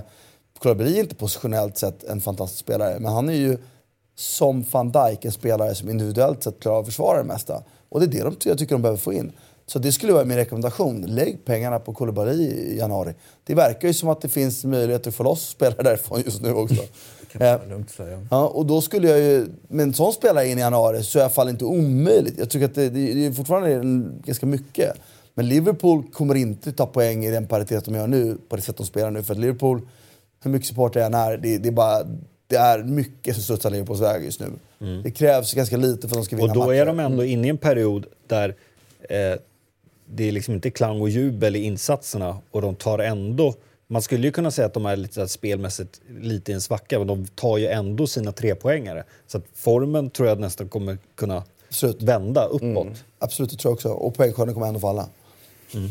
Eh, Så det finns ju, men 11 poäng är väldigt mycket och framförallt är det mycket eftersom City, jag ser, alltså, jag tror ju själv inte att de åtgärdar mittbacksproblemet i januari, men skulle de göra det så är det fortfarande möjligt. För spelmässigt offensivt, jag hävdar fortfarande att bortamatchen mot Liverpool är den bästa City har gjort borta mot Liverpool under alla de här åren. Var där. De var riktigt jävla bra liksom. Så att, eh, spelmässigt tycker jag inte att City egentligen är det stora problemet, utan det stora problemet är att de är för dåliga i defensiven. Leicester då?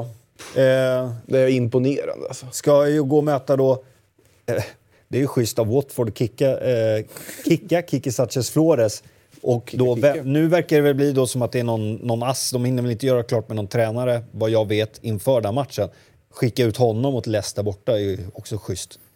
Ja, vad ska man säga om, om familjen Potsos? Alltså, de, de, de flyttar på tränare i Watford, de flyttar på tränare i Udinese. Det, är ganska, det finns rätt mycket att göra nu kan jag säga för, för Gino Pozzo här. Då flyttar de mellan och klubbarna Gåre. kanske också. och dessutom eh, hela ekosystemet så att säga som, som de har ett alldeles Men- eget. Det är, De pratade lite om det i studion igår, men, men jag sa- men jag tycker att de missar lite att det är, det är ju ett gammeldags sätt att se på, på, på tränarjobbet. Jag menar, vi, Samparini, Cellino, det är många som tycker att det är... Det var som eh, Wenström sa, att det är ju tjänstemän som går att flytta på. Det är precis så det är. För dem är det inte det. Kontinuiteten på, på tränarposten är inte lika viktig som för sportchefsrollen. Och det, framförallt det gamla italienska sättet är ju att ja, men, tränare byter man ut lite efter formen nästan. Liksom. Nej, formen är vikande, ja, men då byter vi tränare. Liksom. Eh, och jag gillar ju inte det. Men, men jag tror inte att det är så. Det är liksom inget... Det är ingen galning sitter där uppe och bara skjuter vilt. Det är en strategi de har. bevisligen är det ju inte det. Däremot kan vi väl konstatera att han just nu har eh, På alla problem på båda, båda fronterna. Så att säga. Det, det är ju- det är ju inte önskvärt. För men då, då blir han, ja, han kan säkert hålla två bollar i luften samtidigt, det tar jag för givet. Men det är ändå mer önskvärt att ha problem på ena stället än på, Eller noll. än på båda. Liksom. Otroligt häftig bild måste jag säga ändå. Alltså att Roger står där. Alltså nästan inklippt. Ja men alltså nästan liksom. Ja. I Nachos eh, timing där, han har inte nått marken med knäna heller ännu. Så Men han är ändå på inte liksom, och lika skön som Steve Bruce var på förra bilden. Det var ingen som noterade honom hur, hur fin han var ute till... Kolla där, vad, vad, vad skön han bara, bara tittar in där. Äger scenen lite grann sådär, känner jag. Det är bra bilder. Mm, faktiskt rakt igenom. Fula byxor Guardiola dock. Ja, Lite mycket fickor va? och det ska man betala ett pris för. Guardiola har aldrig varit välklädd. Så att det, Ja, men det har han ju. I början var han ju i, när han kom. han är fortfarande spansk. Det är lite för... Då jobbade, han var ju väldigt tidig med att jobba polo den typen Den bästa grejer. spanska tränaren klädmässigt är ju ändå Luis Enriquez. Ändå som, tycker jag. Men inte ens han är bra ju. Han ser ju fantastisk ut rent ansiktsmässigt också. Man kan inte ha allt. Nej. Nej, men man behöver inte göra bort sig heller, va? vilket han ju faktiskt gör där med de där byxorna. Koftan och de där Tänk om vi byxorna. skulle sitta med de här, mm, alla fyra med den typen av byxor. Men vadå? Brallorna är minsta problemet. De tycker jag ändå är helt okej. men Ja, men jag- Ja, men, nej, ja, helt okej, är du galen eller? Nej men alltså. Det... men- ja, men vad, vad är det där? Liksom fickan där? Den känns ju helt felplacerad. På en annan ficka. Och sen en. Eller det är för mycket. Det är liksom... det är någonting du går ut och... föredrar du Bygger hus Bruce Ja, men nästan. vaktstil? Jag tycker också, jag, vet du vad, jag tycker att det varit rätt härligt att se Lampard i hans eh, träningsoverall. För nu har det nästan gått troll i andra hållet. Liksom. Se någon som bär upp en träningsoverall bra, det gör ju inte Steve Bruce. Det är Lampard. Nej, och det gör ju inte... Ja, men Lampard, han, han, har ju, tyck, han, han säckar ju med sin träningsoverall. tycker du inte? Eller är det bara att han har dålig hållning? Jag tycker han ser sunk Nej, jag ut, måste nog kolla lite mer. Ja, det får vi fan göra. Ljungberg, Ljung, på. Ljungberg eh, behöver eh, Ja. Jag gillade Ljungbergs eh, stil. Eh, jag skrev det. Jag tyckte han såg ut som en- liksom en SO-lärare. Kändes väldigt mysig på något sätt. Du menar Men, den blåa det- skjortan och ljusgrå... Ja, det är ju inte kabelstickade tröjan. Ja, kabelstickat med vit skjorta har jag haft underbart. Och så ligger en stor krage som bara hänger över. Det är liksom en... Ja, jag, jag kände som en, såg ut som en härlig, Han tänker fritt. Pålitlig eh, högstadielärare. Och det, är, alltså, och det är inte att göra eh, narr av Ljungberg, tvärtom. Med lite dyrare material möjligtvis. Med lite dyrare material, eh, absolut. Eh, förmodligen. Men eh, ja, det blir spännande att följa. Och Leicester som sagt eh, fortsätter gå tåg. Tror ni att de kommer fortsätta vara med där uppe? Så länge, Ja. När vi går till april, maj? så länge de inte får skador. För det, det, ersättarna är inte Ja, dåliga. truppen är inte jättebred. Nej, men det är ju så det är. Och sen så är det intressant att ett januarifönster... Mm, potentiellt sett finns det ju en annan spelare i skulle kunna försvinna. Vardy finns ju alltid där. I... Ja, eller Madison. Det finns ju Mm. flera spelare där som, som är högvilt för klubbar. Så att det, det handlar lite om eh, vilken policy de själva har. De har ju redan ändå... Liksom, de kan ju ta bra betalt för spelarna och har visat att de är ganska bra på att ersätta dem också. Liksom. Så att, eh, jag är otroligt imponerad verkligen av vad, vad de har åstadkommit och hur de kan liksom, vara med här uppe i toppen. Och det är absolut inte omöjligt att tänka att de kanske norpar en CL-plats. Nu tror jag i och för sig att Tottenham och Chelsea kommer komma igång. Jag tycker Chelsea-projektet ser jätteintressant ut. Sett till liksom vad Lampard hade för möjligheter och så vidare. Och Tottenham under Mourinho är inte jag så tveksam till ändå. I alla fall på kort sikt. Tänk på att de inte ska spela i Europa. hur Det är också. viktigt som helst. Ja, men de är i alla fall med. Och skulle de behålla, så svar på din fråga är ju att behålla dem som spelar i januarifönstret, inte åka på några stora skador, så är de absolut ett lag som kommer vara med i topp tre. Det är svårt att säga att de inte är. Men eh, att inte få några skador och inte bli med spelare, eh, jag vet inte. Nej. Nej. Nej, det är klart att kommer åka på en och annan. En miljard för Madison kan väl United punga ut i januari när de är lite desperata. Det tar nog Leicester ganska gärna. Och vad är då turken värd? det, vill, det vill vi inte veta. Nej, men alltså om du ska bolla upp en miljard där, liksom, herregud. Jo, men han är ju inte, han är inte britt. Ja, ja, okej, du menar så också. Det är ju- Ja, det- jag bara- säger inte bara att Madison är jag- värd en miljard. Det jag ser eh, av, av eh, Soyuncu är ju, är ju bara... Alltså, Han är man- bra. Nej, ser Man riktigt får bra ut. Alltså, bra. det, det, det kan egentligen inte vara så bra. Det, det, han gör ju inte ett fel, vad jag ser. Han är Han gjorde ett superbra. fel och tidigt Okej. och det var ju mot eh, United. gång, ingen gång. Nej, exakt. United, när Rashford, eh, när, när det blev straffen som de... Spännande att följa veckomgången i alla fall, helt klart. Mm, verkligen.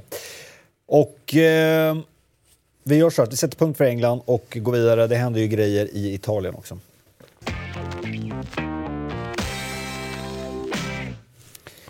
Christian, vi, vi stod här och pratade i torsdags tror jag var och, och du, du berättade för mig att det, det skulle rökas någon slags fredspipa i, i Napoli.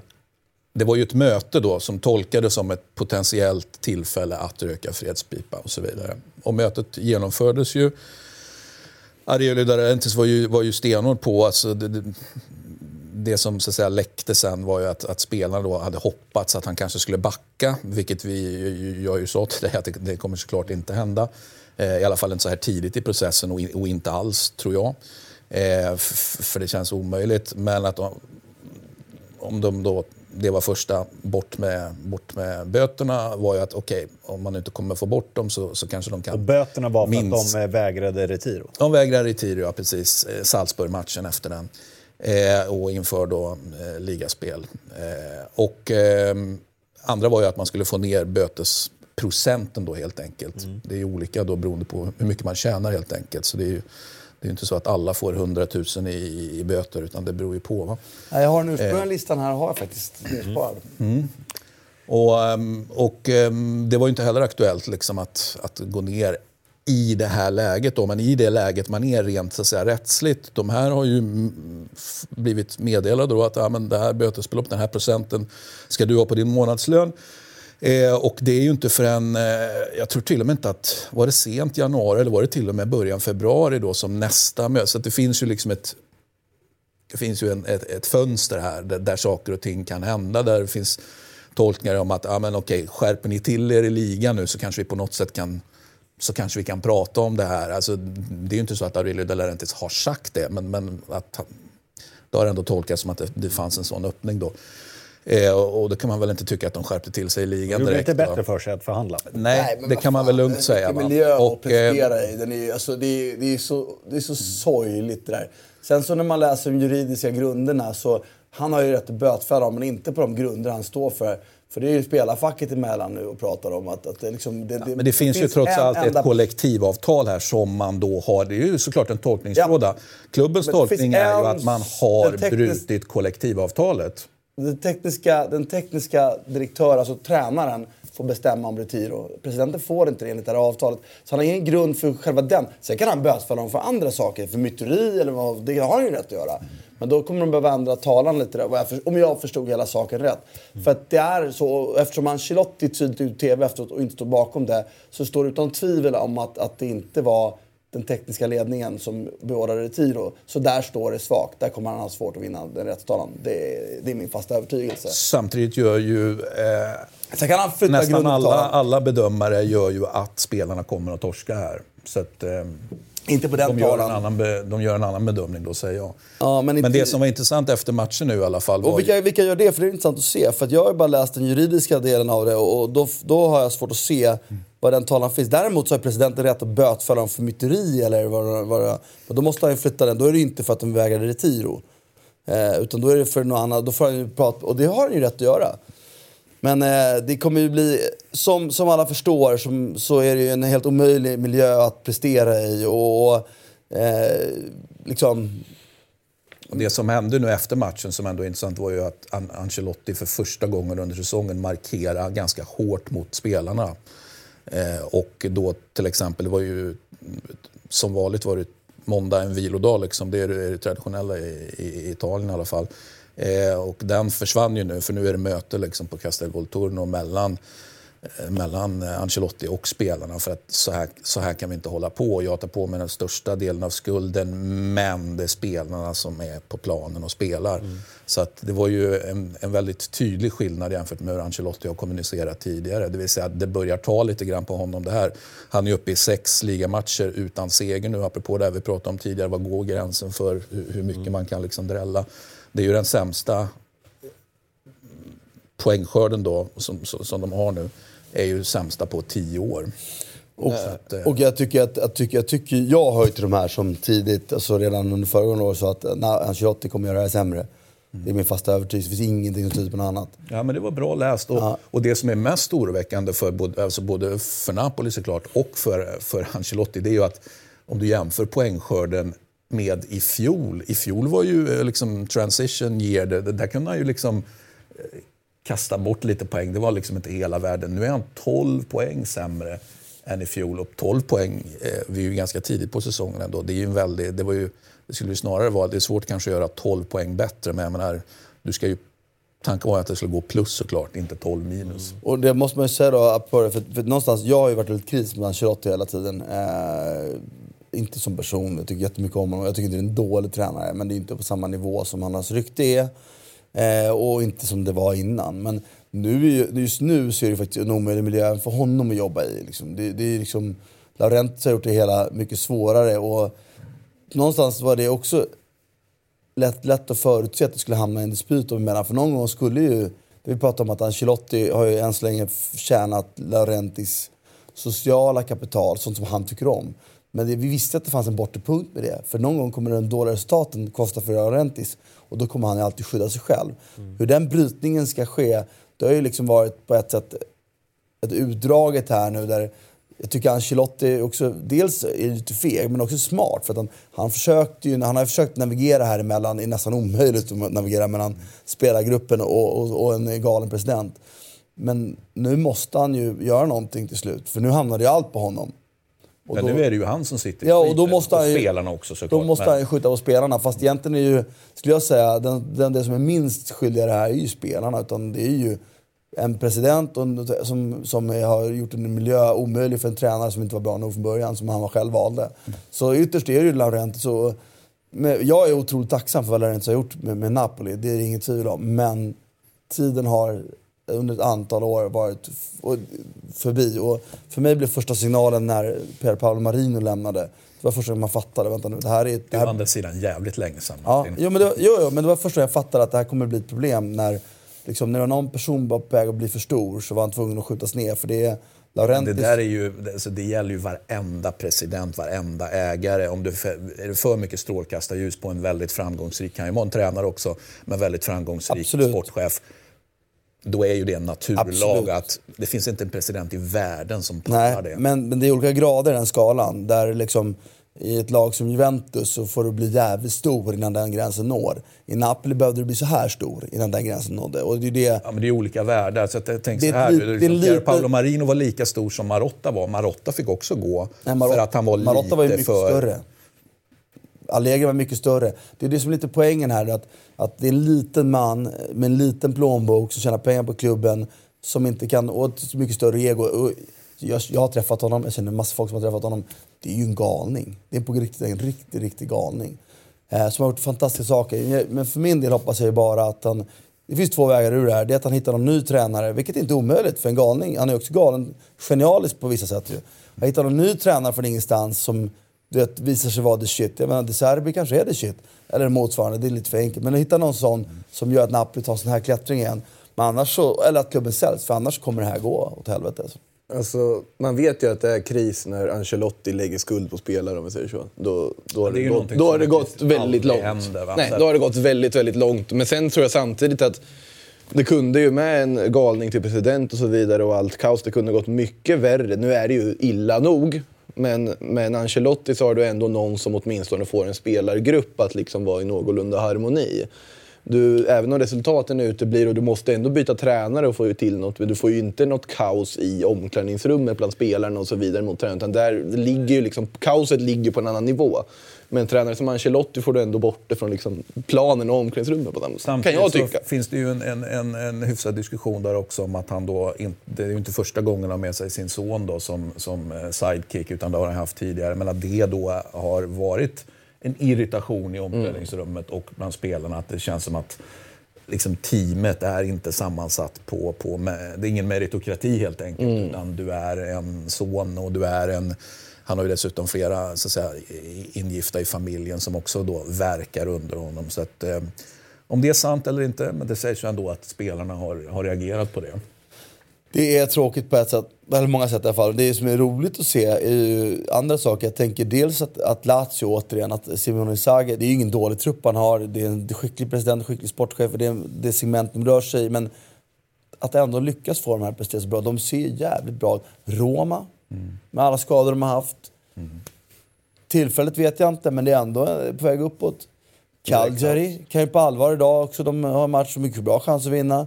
Så det finns, och så Atalanta såklart, så, så mitt i allt det här med Europaspel, Champions League-spel, med den trupp de har. Men när de spelar Maciello, liksom, herregud, en spelare som skulle svårt platsa Udinese om han hade varit en annan tränare. Så där. Så det, det är ju, och, Udinese får ursäkta, det var inte så jag menar. Men det är ju inte liksom stjärnspelare och ändå går de så pass bra där uppe. Och så måste man ju lyfta Inter ändå, som, och framförallt Lukaku som jag har varit jävligt skeptisk till inledningsvis. Han har varit riktigt dålig, men har ju nu två matcher varit riktigt bra. Med honom så bästa är ju Lautaro, men det har vi sett hela tiden. Men de fungerar ju så fint tillsammans. Det, det tycker jag är väldigt viktigt att konstatera. Om man tänker på, på när Icardi duntrar på, bara för att göra det exemplet. Så det kändes ju som man, man diskuterade, ja, men då var, det var Icardi och han var jättebra och det tycker vi fortfarande att han är. Att han bra avslutare, absolut. Bra. Men att de som anfallspar då verkar trivas och hitta varandra, det är ju det är lite... Jag, jag, det är samma där, jag får nästan nypa mig. Det är inte så vanligt nu för tiden just det här med att anfallspar dundra fram. Det är mer, ja, men det är någon anfallare liksom i det laget, han dundrar, ja, men han är skitbra. Liksom. Men här, här känner jag att de är på väg att få fram en riktig duo här faktiskt. Och det ska bli kul att se på tisdag eller onsdag nästa vecka då, när de möter Barcelona. För det blir mm. lite ett sådär mandomsprov. Barcelona är tacksamma att möta just nu, men de behöver ju, behöver ju vinna den matchen. De såg ju bra ut mot, eller det var i och för sig Lautaro, Lukaku var ju inte med senast mot Barcelona kom jag på nu för sig.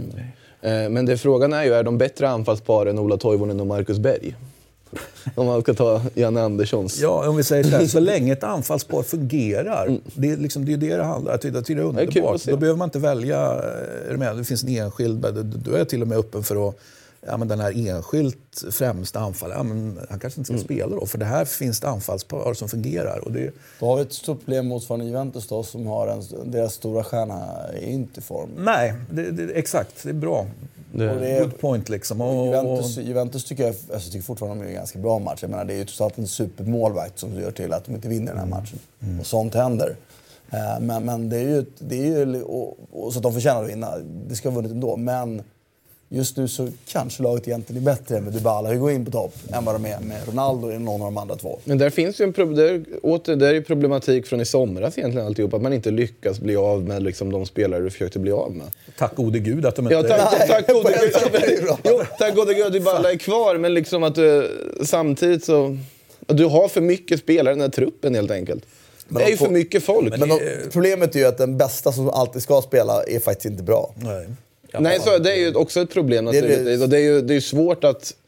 Alltså, Johan, det går inte att peta honom. Det är ju en spelare som alltid fortsätter att överraska när man tror att ja, men det här är säsongen att ta slut. Absolut, men nu kanske vi är äntligen höll jag på att säga, men till slut har kommit till liksom säsongen där det börjar gå neråt istället. Ja, I alla fall så är det en djup svacka och det har varit skador och så liknande. Ja. Som, det är klart att det finns anledningar att tro att det kan vända uppåt, men just nu är det ett problem. Just nu är det problem i alla fall.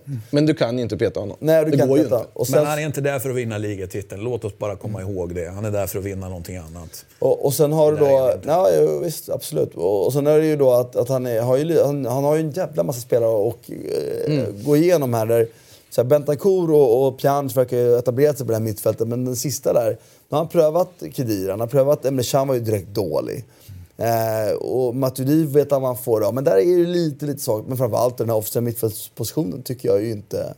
Han vill så här, jag, jag, tror att han egentligen vill spela någon lite mer som Douglas Costa, men han går ju sönder hela tiden. Mm. Med det sagt, Juventus var bättre och skulle ha vunnit. Och, och, eh, det är inte, det, men Ronaldo bör bli bättre snart. Bör börja mål också. Jag saknar tydligen Mandzukic för ordinarie. Jag gillar Mandzukic. Ja, han levererar ju. Har ni tänkt på det, på det med Mandzukic? Det är så typiskt hur hård fotbollen ändå är. Liksom. Ja. Och fans tänker inte på det åt det hållet. De tänker alltid på det när spelare är ostar med klubben. Men spelare som spelat och har gjort allt för klubben. Han får inte ens träna med laget just nu. Ja, det är Och alltid levererat. Ja. Och aldrig klagat. All, alltid varit en... Alltså Nej, jag, jävligt jag tycker ju fortfarande att det är så konstigt att United inte betalar de där pengarna som för Mandzukic. Alltså vad perfekt han hade varit där tror jag, för dem. I Eh, somras. Och att inte, omvänt då, att inte Juventus eh, sänkte priset och sålde honom. För att, för att det, det är bevisligen så att man inte vill ha honom i träning. Vilket jag förstår. För att då blir det för många så blir, det kommer bli träningen bli lidande av. Liksom. Det är för mycket Så folk. Man måste välja bort honom. Men priset sjunker ju till, Jo, men då till januari. ju så då skulle de ju gjort så Exakt som det. du säger. För det, också, det handlar ju också om en viss respekt om de spelar som ett ganska mycket måligt lag. Tycker jag ju. Men det, Det, det är man är intresserad av tänk, hur Paratici tänkte faktiskt. Men där har han ju misslyckats på ett sätt. Jag vet att när jag... Jag tror jag ställde frågan till Sarri när de var här nu i, eh, och spelade på Friends Arena tidigare. Så sa han ju där också att ja, men det är ett lyxproblem nu men han litar på att jag spelare kommer försvinna men det löser de där borta. Men de har ju faktiskt inte lyckats lösa att få bort spelare. Så att han sitter ju här med en allt för stor trupp och redan då var den ju för stor. Det var Paraticis första egna eh, sommarmercato så att eh, det går att vara elak Det- mot Paratici. Det är Emre Can, helt klart. Mandzukic. Kanske någon mer av mittfältarna. Jag skulle, jag skulle ju ha sagt Ramsey eftersom jag tycker att han inte har acklimatiserat sig bra. Ja, just det, Ramsey. Men den, Rabiot den kan man ju säga att han har ska- fått i knät egentligen. Ja, och han kom ju precis nu. Jag pratar inte om, nu pratar jag bara för lagets bästa var det bra att bli av med. Sen ska man ju också komma ihåg att, att Juventus mitt i det här har haft sin enda riktigt skickliga mittback på förhand. Sin lagkapten skadad. Och där, på det sättet har det ju också det har ju skyndat på processen för Delict som har tagit det på rätt sätt får man ju lov att säga. Det ser ju jävligt liksom, korrekt ut nu på ett sätt som det inte gjorde i början. Fortfarande saker kvar att lära men Men det är en bra miljö att lära sig om inte annat. Så men den, det, den, den spelaren saknad hade kunnat gå mycket värre för Juventus än vad det faktiskt har blivit gått. De har ju faktiskt vunnit sin grupp i Champions League och nu då. Vilket ju någonstans är fokus återigen då, hävdar jag med Ja bestämdhet. fast de kommer inte, alltså Sarri kommer inte komma undan med att inte vinna ligan. Då ska vi i princip vinna Champions League. Liksom. Exakt. Vinner ligan och går till kvartsfinal i Champions League så är det godkänt. Det är det ju. Nej. Jo, Alltså vinna ligan och gå till kvartsfinal är inte godkänt. jo det är ett godkänt. Det är en, det är en godkänt. Godkänt är ju en, eh, på skala tvåa liksom. Det är godkänt. ja. det, Och Christian Lecce Ja, höll nollan. Ja. Även om de släppte in 27 kassar på 13 matcher så höll man nollan. det där har man ju varit, man har varit med ett tag så att man är just siffran 27 är väl kanske inte mest överraskande. Nej. Men 3-5-6 tycker jag ser jättefint ut då. och eh, det dråpliga då är ju eh, att det är ju tre bortasegrar vi pratar om Ja. fortfarande. Eh, Det betyder ju att det finns, det går ju att se på olika sätt verkligen, men att det då finns en potential att bättra på det där. Samtidigt är jag ju mitt utgångsläge ofta är ju att jag är väldigt skeptisk till lag som inte har så mycket liksom, cojones att de kan faktiskt karva ut resultat på hemmaplan. Framförallt nu när supportrarna, alltså, det är inte så att det saknas folk, det är fullt hela tiden. Eh, och, och, men, men jag gör faktiskt inte den tolkning just här då, utan jag känner att entusiasmen är fortfarande stor. Poäng som poäng. poäng som poäng och eh, de kommer att ta hemmasegrar. Så, så, så är det bara. Va? Men, men, men det är häftigt och det, det är väldigt kul nu igen. Lamantia fick göra mål. Eller fick göra mål, han såg till att göra mål. Och han, han, eh, det var en av de här som jag hade hoppats på som inte hade eh, kört Serie A tidigare. Eh, och och I den bästa av världar så skulle han fungera. Otroligt liksom stark, en otrolig liksom arbetshäst helt enkelt och väldigt farlig i luften. Han är bra på skallen.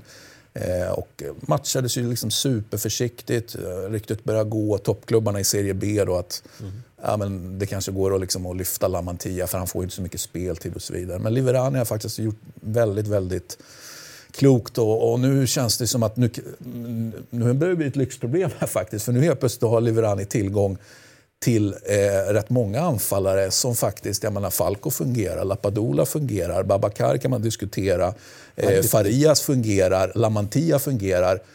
många. Det är många. Om Mancuso, om vi lägger till trekvartista-rollen. Alltså det är rätt många offensiva spelare som fungerar. Hur har, hur har Petriccione varit? Vi, vi surrade lite om honom innan säsongen. Innan säsongen, ja. Vilket ju var en av de andra då som skulle upp Mm. i A och se vad som hände. Han fick ju inte speciellt mycket speltid i början och en av de första kanske insatserna var väl kanske inte övertygande. Men nu är han ju pang, bom, liksom bergfast i det här och tar ju plats på ett riktigt, riktigt fint sätt. Så, så Petriccione, de, de tre så att säga, serie B-spelarna som jag på förhand var... Man kan ju inte kräva att alla tre ska fungera, men jag hade ändå förhoppningar om att det fanns liksom hyfsad chans ändå att de skulle fungera i högsta serien. Eh, så var det ju vänsterbacken då, Calderoni, han som har gjort de här liksom, supermålen då. Eh, och den typen av supermål höll han ju inte på med i Serie B, så det är inte, det är inte för att han gör målen som jag säger det. Eh, eh, men otroligt pålitlig upp och ner. Det är samma där, han, han, han verkar ju ha hur mycket kraft som helst och bara far upp och ner. Petriccione då, mitt-mitt eller, eller eh, ett steg åt, det är ju ett tremannamittfält. Han kan ju spela liksom, han rör ju sig väldigt mycket skulle jag vilja säga. Ehm, så ibland kan man fundera på, vänta, är det Taxidis som är i mitten eller är det Petriccione? Eller är det, alltså de, de, de flyttar sig väldigt mycket. Och så Lamantia då, eh, trean. Så att, eh, och just nu känns det som att alla de tre poletterna faktiskt trillar ner här, vilket jag tycker är väldigt... Eh, det är en, en, en fin tränarinsats, det är en fin sportchefsinsats liksom. Och Kanske, ser bra ut. kanske inte lika positivt i, i det andra lagets eh, led. Nej, och, det, och sen kan man väl säga, har vi Skador pratat med och olika positioner, jag här, det finns ju, Lecce är ju fortfarande Lecce.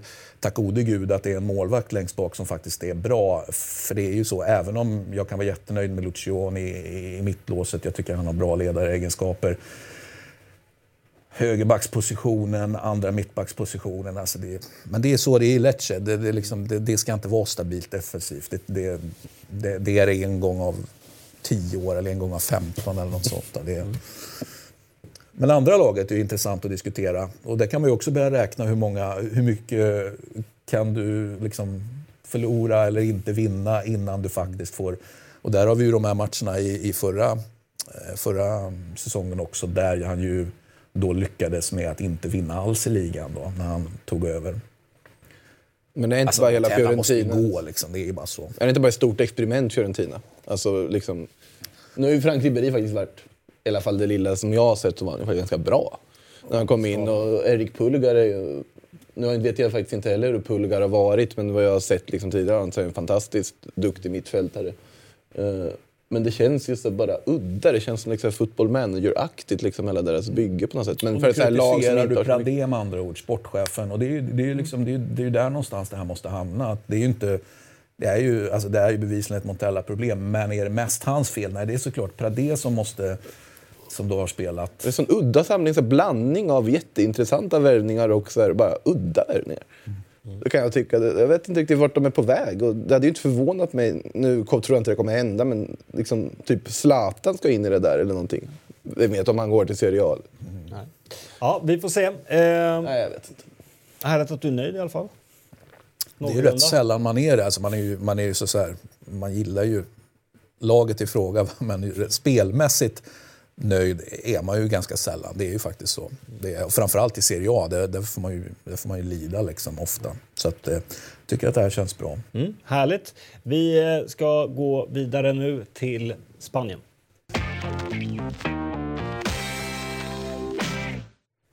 Där söndagskvällen bjöd på en eh, riktigt härlig match i form av Atletico de Madrid mot Barcelona och Messi avgjorde med snyggt mål. Man kan väl också säga att Ter Stegen var avgörande.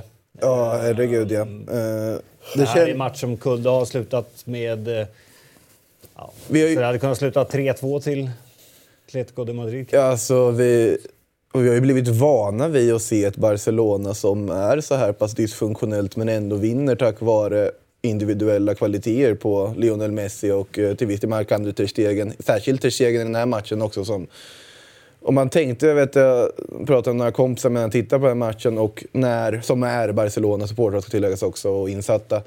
När de hade de här första lägena där Atletico som man brände, när Junior Firpo drar bollen i egen stolpe och så vidare och, och i- ingenting går in känner man, ja men det här, det är ju solklart, det här kommer sluta 0-1 eller 0-2 och det kommer vara Lionel Messi som i slutet hittar någon frispark eller någon individuell aktion. Det är ju han som skapar hela det här målet också nu själv. Plötsligt från ingenstans.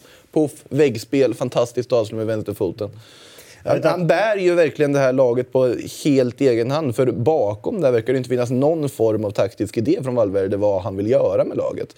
Nu Busquets borta den här matchen. Man har möjlighet att spela Frenkie de Jong som sittande mittfältare mer likt där han spelar i Ajax. Och då är det Ivan Rakitic som plötsligt ska vara där nere och börja fördela istället. Det är jättekonstigt. Eh, nej, jag förstår inte vart de är på väg, men det här är ju också på något sätt ett experiment. Hur långt kan man gå på liksom bara ha Lionel Messi utan någon taktisk idé? För det är det som det verkar som att Valverde sysslar med just nu. Ja, men Valverde fattar väl också att han är inne på sista säsongen här. Så jag menar, han, Fast, fast Alltså, gör han väl det? Gör han han verkligen det? göra- ja, det, Det- det såg han ju ut så här Att han då skulle försöka bygga ett, ett nytt hus, så att säga, eller en ny, eh, vad det nu är han ska bygga. Eh, så kände jag att, ja men vad fan den här säsongen, vi, vi, liksom, vi kör på Messi. De har, det går ju ändå att kräma ut ur det här laget både ligatitel och, Champions League-titel, inbillar jag mig. Ja, fast med en Bartomeu vid rodret och tanke på det förtroende han har för Valverde så tror jag nog inte att Valverde tänker att ah, men nu ryker jag efter säsongen så äh, vi skiter i det, vi kör bara. Utan han försöker väl någonting udda som inte vi riktigt kan se vad det är för någonting han försöker och det funkar ju uppenbarligen inte. Den, sen är det ju såklart att Antoine Griezmann, jättebra fotbollsspelare, men såklart ett problem att få honom i knät. Var, var ska du få in honom i det här? Och han har ju inte hittat sin plats än överhuvudtaget heller riktigt. Det, och det är konstiga laguttagningar, det är konstiga beslut. Att Junior Firpo som har kommit in, ja han är ung och så vidare, duktig offensivt men alltså, han är ju för dålig defensivt helt enkelt också. Och att man värvar in honom under sommaren, tidigare sommaren när du har Miranda, du har en Kukureya du kunde ha behållit också som väl inte är supersäker defensiv heller men det finns intressanta egna produkter du skulle kunna spela och roterat med Alba. Och du värvar in Firpo för närmare 200 miljoner istället. Mycket som är konstigt i Barcelona men samtidigt så vinner de ju ändå borta mot Atletico och leder ligan. Så att det, Om det säger hur fantastisk Lionel Messi är eller om det säger att vi ska såga Valverde och ledningen så mycket som vi gör. Om, om vi stannar vid Messi, Ballon d'Or delas ut ikväll. Och eh, det har ju pratats, en del har ju lyft fram van Dijk men enligt spanska tidningar i, idag så är det liksom det är såklart att det kommer bli Messi. Det borde väl vara ganska såklart att det är Messi. Nej, det är såklart varje år, så det är väl ingen konstig idé. Alltså, det är den bästa fotbollsspelaren som finns i världen. Men jag tycker van Dijk har gjort, har gjort en fantastisk säsong så att, och vunnit allt. Och eftersom de ibland tittar på den kollektiva bedömningen mer än den individuella så varför inte? I och för sig om Luka Modric fick det förra året så känns väl van Dijk som en ganska... Men jag måste säga då, på, på själva matchen så, där, så, så eh, jag, jag tyckte om Atleticos var, jag gillar ju Saul som vänsterback. Saul är, fan, det är också med- en av anledningarna till att Messi var så osynlig stora den här matchen.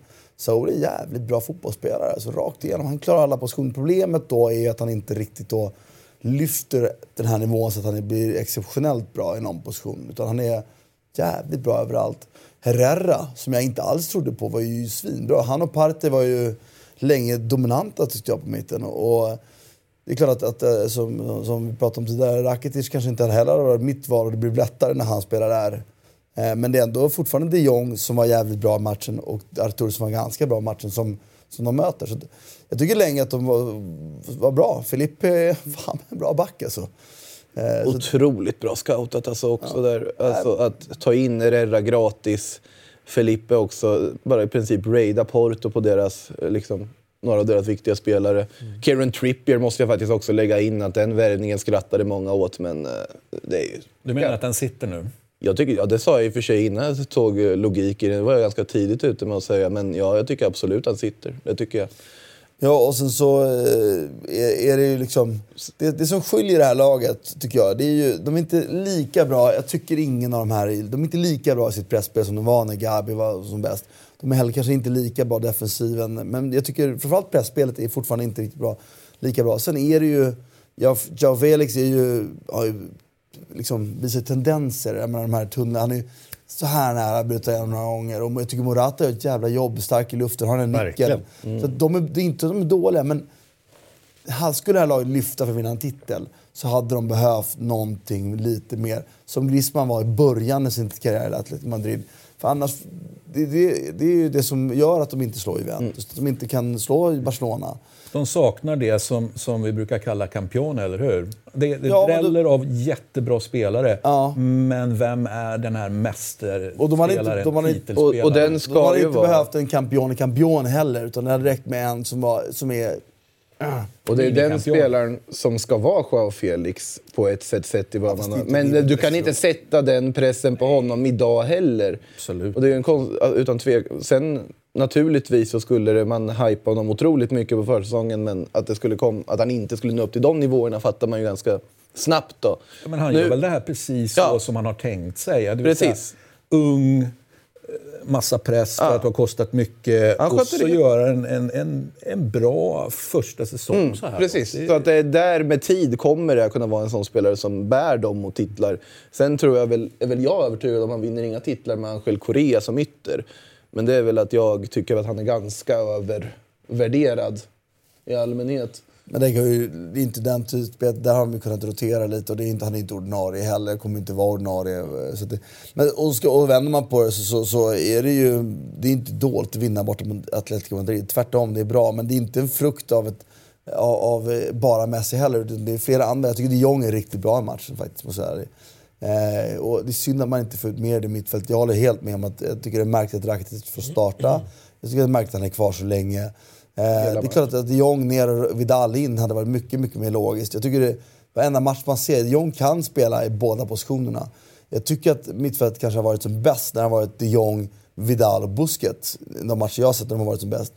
Men nu, nu när Busquets står inte med så är det de Jong, Artur och då är det väl Vidal ändå. Jag, jag, Vidal har varit jättebra tycker jag också, så att det, också han bidrar med någonting annat. Om de ska spela den fotbollen de gör Marotta så tycker jag Vidal ska in. Ja, Marotta, absolut. Ska de ska det. Jag Men hörde jag inte vad du tycker... sa. Marotta Marotta. bekräftade intresse för Vidal. Ja, jo, det, han är ju... Spelare att få in. Men jag tycker också Vidal, det är ju det liksom Atletico Madrid också saknar lite. I, I kraft av att de inte gör mål framme på samma sätt. Vidal hade ju som en mittfältare, då hade det blivit ett 4-5-1 mer eller mindre för Atletico Madrid. Det var ett bättre pressspelet, för han är ju också den här... Ja, Alltså, nu, de sitter, nu sitter jag och tänker på det gamla Pirlo, Vidal, Pogba. Det var rätt foto. Det var ett var, Men jag tänker Vidal i Atletico Madrid. Det är ju egentligen... Jag tror Vidal hade ju haft två, tre år till på världsklassnivå om han får spela med, med Simeone. Jag tror det. Så att om jag hade varit Simeone hade jag lagt alla pengar i världen på köpa honom in där i det laget. Bord, Så- ja. Ja, men sen måste man ju säga att det är ju i sån här match då när Piqué går sönder så, så, och Borde kanske fått rött. borde kanske få rött, men det skulle ju å andra sidan, ja för sig, då hade, Alltså- du då hade du ju kanske inte, då hade du, men det var ju också rött på, tacklingen på Piqué. Mm. Eh, Ja. så att, och, och även om det var på Piqué så hade det varit på en annan, tackling görs ju ändå av någon. Så att, Mm. Och det får vara jämnt där. Men då är det också Umtiti in som jag tycker ändå, varför, varför får inte han spela mer? Han var ju Alltså, bra mot Dortmund. Det är nog en av de spelare som det har alltså, kostat mest för att han... Nu var han ju för sig skadad också, men han var ju inte i jättebra form förra säsongen. Om man bortser från skadorna heller, efter VM då. För det var ju många franska spelare som väl var lite om man säger, bakfulla efter VM under hela förra säsongen i princip. Varann har väl vaknat lite i alla fall om man pratar om hans backkollega. Men, men där har ju Langley har ju varit så pass bra också. Liksom, att det är ju svårt att peta en Langley som har spelat så pass bra med Piqué. Nu, ja, Umtiti är ju för bra för att sitta på en bänk naturligtvis. Jag håller ju, spelar som- jag håller ju Umtitis höjd till bättre än Langlais. Så är det ju. Langlais har inte alls den höjden i defensiven som Umtiti hade. Det är också därför de inte heller är lika bra när Umtiti. Som Omtiti hade, ja. Som hade, exakt. Det, Nej, det, det är det som- som är nyckelordet. Har han det fortfarande? men han var ju- frågan. när vi satt Men han här var ju- och pratade om när han Absolut. kom att, att shit, nu sitter det här. Att, att, att bara det att Jo, hitta men jag, någon jag är med på det. Så att, men jag eh, tycker ändå så att typ som mot Dortmund, då är han på en nivå som de andra två inte är defensiv. Varför får han inte spela mer? Går han sönder så mycket? Vi vet ju, jag vet i alla fall inte, och det kommuniceras väldigt lite om det. det verkar liksom, för mig är det inte givet att, att Langlais ska gå före Umtiti. Piqué kommer att spela. Det, det är ju liksom... Och jag tror också Mm. Piqué blir bättre med Umtiti. För att, eller har varit historiskt sett. Men jag håller med. Det är klart att jag, jag, jag är ju färgad av en nivå som var kontinuerlig förr, men som inte är kontinuerlig nu. Där jag kanske slutar mig till att den kontinuiteten är svårt att få, att få spela heller. Liksom. Men jag vet. Men det känns ju som att det är en skadegrej här som är att han inte är Han lika... håller inte att spela två matcher Nej, idag. det, det, Det kan, det kan vara en känsla. Valverde-grej också. För det, det, Ja, han som gör sin sista säsong menar du? jag är inte lika säker. Alltså. Makoto, om vi stannar kvar i Barcelona. Espanyol. Ja, det går ju inte så bra. Slutade sjua förra säsongen, tog Europa League-plats. Eh, nu ligger man näst sist. Torskade med 2-4 mot Osasuna. Vad är det som händer i Spanien? Man eh, har en alltför dålig trupp för att kunna hantera liksom, Europaspel kombinerat med ligaspel. Det går ganska bra i Europa, eller hur? De leder väl sin grupp? Jag, jag höll på att säga, alltså, jag följer inte Europa League, höll jag på att säga. det, det jag går ingen bra. De leder sin Låt grupp. vara en Eller- ganska enkel grupp. Ja, Men det- Problemet med Spanjol är ju såklart att de inte räcker inte på två Nej. fronter. Men om man tittar på Och bortaspelet kontra hemmaspelet, då är 0-1-7 på hemmaplan nu. Det är ju sensationellt ändå. Ja, det är liksom, är med. Det är bedrövligt. ännu sämre Det är, än bed- Lecce. det är bedrövligt. Och det, men sen är det ju... De, in ett mål, mål mer än Lecce också. man, Ja, man en tar in, eh, man tar in liksom en helt oprövad tränare för att ersätta Rubi när han drog till Betis, som inte alls blev lyckat. Och man har gjort ett tränarbyte efter det. Eh, det. Det ser mörkt ut. Jag trodde att Espanyol skulle få det svårt i år, men kanske inte så här svårt naturligtvis. Men att de skulle vara nedre halvan var, kändes ju liksom tveklöst. För den truppen man tog Europaplatsen med förra säsongen, det var ju en trupp som jag tror jag har beskrivit som liksom spansvar på Sunderland liksom i Premier League tidigare. Bara ett hopkok av spelare som inte riktigt känner att det här verkar inte så bra. Liksom. Du menar att det råkade hända? Det var inte programmerat? Nej, att du har en Roby som gjorde ett helt fantastiskt jobb med det här laget snarare skulle jag säga. Och nu har du ju inte en Roby där. Du har i och för sig bra på tränarposten eller oavsett, men jag, det ser inte bra ut. Det ser inte bra ut och truppen ser inte tillräckligt, tillräckligt bra ut för att... Men jag, man kan fortfarande rädda ett kontrakt naturligtvis, men det ser ju inte bra ut. Eller mörkt. Det ser mörkt ut. Sevilla då? Förvisso en match mer spelad än, än Barcelona-Real Madrid eftersom El Clasico sköts upp till 18 december. Men Lopetegis Sevilla har nu sju match, raka matcher eh, obesegrade. Tänk om de har haft en bra striker också. Istället för Luke de Jong, ja. Alltså, han, det, det är ju... Så jag har hörde till de här som pratade om Sevilla som ett klart Champions League-lag inför det här året. Eh, att de skulle göra trea kanske jag inte trodde eftersom jag trodde att Atletico Madrid skulle gå bättre. Men det är en bra tränare, det är en bra trupp. Eh, och Så då får det väl hända något i januari då? Alltså en, en striker där hade ju, då, då är de, alltså det är ju en säsong där allt är möjligt. Jag vill ändå påstå det. Jag menar, Barcelona och Real Madrid leder, men det är ju poängtapp som de inte normalt tar. Barcelona får ha tre matcher liksom redan. Eh, och det är eh, El Clasico, kryss där. Upp med pengarna i januari, köp en bra forward. Om- Hitta en bra forward. Så kanske det är året när Sevilla kan... Men det- Man måste ju drömma, eller? Ja, ja, alltså jag, jag, jag ser inte emot det där. Och då är jag till de här, så apropå vi pratar om Napoli, då, då är man, när man sitter i sånt läge, ja, men då tar man risk. Har man chans att vinna, då måste man ta risk. Då får det väl kosta några år sedan efteråt då. Sen, sen är ju inte Monchi den sportcheftypen som väljer att ta risk för att äh, fan, vi kan nog ta ligan i år. Utan, och jag, men jag håller helt med dig. Sevilla ska man absolut inte räkna bort i en titelstrid. Jag, Då måste de ju värva en forward, för det går inte att forward. Alltså, har han gjort ett mål? Eller vad är han, har ju, han har väl flest brända, en av de som har flest brända lägen i hela ligan i alla fall. Och jag tycker att han känns inte Sevilla-kompatibel. Och jag var tveksam när man Isak i värsta honom. fall då, som... Eh, fall, en- köp honom som en spelare som kan... kan ju inte vara sämre. Och är det bättre eh, så, så blir det ju det fantastisk. Eller utveckling. spel- Och blir det likadant så höjer du priset på spelare och får hem pengarna. Eller inse att de Jong inte håller att spela Dabur och ge honom chansen liksom. ordentligt. Jag tycker att Luke de Jong-värvningen förstod inte jag från början när man gjorde den i somras. Så Det var en sån här typisk Amonchi vill, "Ja, men vi tar en extra gubbe också, vi kanske kan få någon liksom, avkastning på senare. Och han passar ju inte. Kanske är grym på träningen då, återigen. Vi vet ju riktigt bra kille han framförallt. Nej, men kanske hänger mål på allt. Liksom. Eh, Lucas Ocampos måste man väl hylla. Nu har vi i och för sig varit lite skadad efter landslagsuppehåll och så där, men eh, där har man ju också prickat fullkomligt. Världens mest ju kantiga en- fotbollsspelare. Vad sa du? Världens mest? Kantiga? Det ser så konstigt ut. Han är Nej, skitbra. han är bra. Men jag tycker så här, det var ju en karriär jag hade skrivit av faktiskt. Jag bara, Nej, jag, jag, ja, det hade man ju. Ja, men jag bara tyckte han var... eh, Jag kommer ihåg när han spelade i. Monaco till exempel. Hur, hur, bara, hur jag tyckte, ja men fan vad underbar. Han, vi spelade inte i Monaco. Nej, Marseille. Nej, Marseille var det. Eh, jag bara tyckte det var otroligt vad skön va? Men sen, sen, sen var det inte så skönt i x antal säsonger efter det. Men, men vad kul att ha honom tillbaka. Men det är ju så jag. spelare, det det, om man ser honom, det är ingen naturlig bollbegåvning på den nivån. Jämfört med alla andra vanliga tjommar såklart, en grym bollbegåvning. Men det finns ju spelare som du väcker sömnen och slänger en boll till suger ner den hur som helst. Liksom. Det, honom är matcher studsar ifrån honom ibland, men han är i stimmet så är han ju nästan ostoppbar. För den där, det blir liksom en oberäknelighet också med den här kantigheten som är, jag älskar att se. Det är lite som Morales i Levante. Kanske en liknelse som går över huvudet på de flesta. Men det... Ja, det gick lite...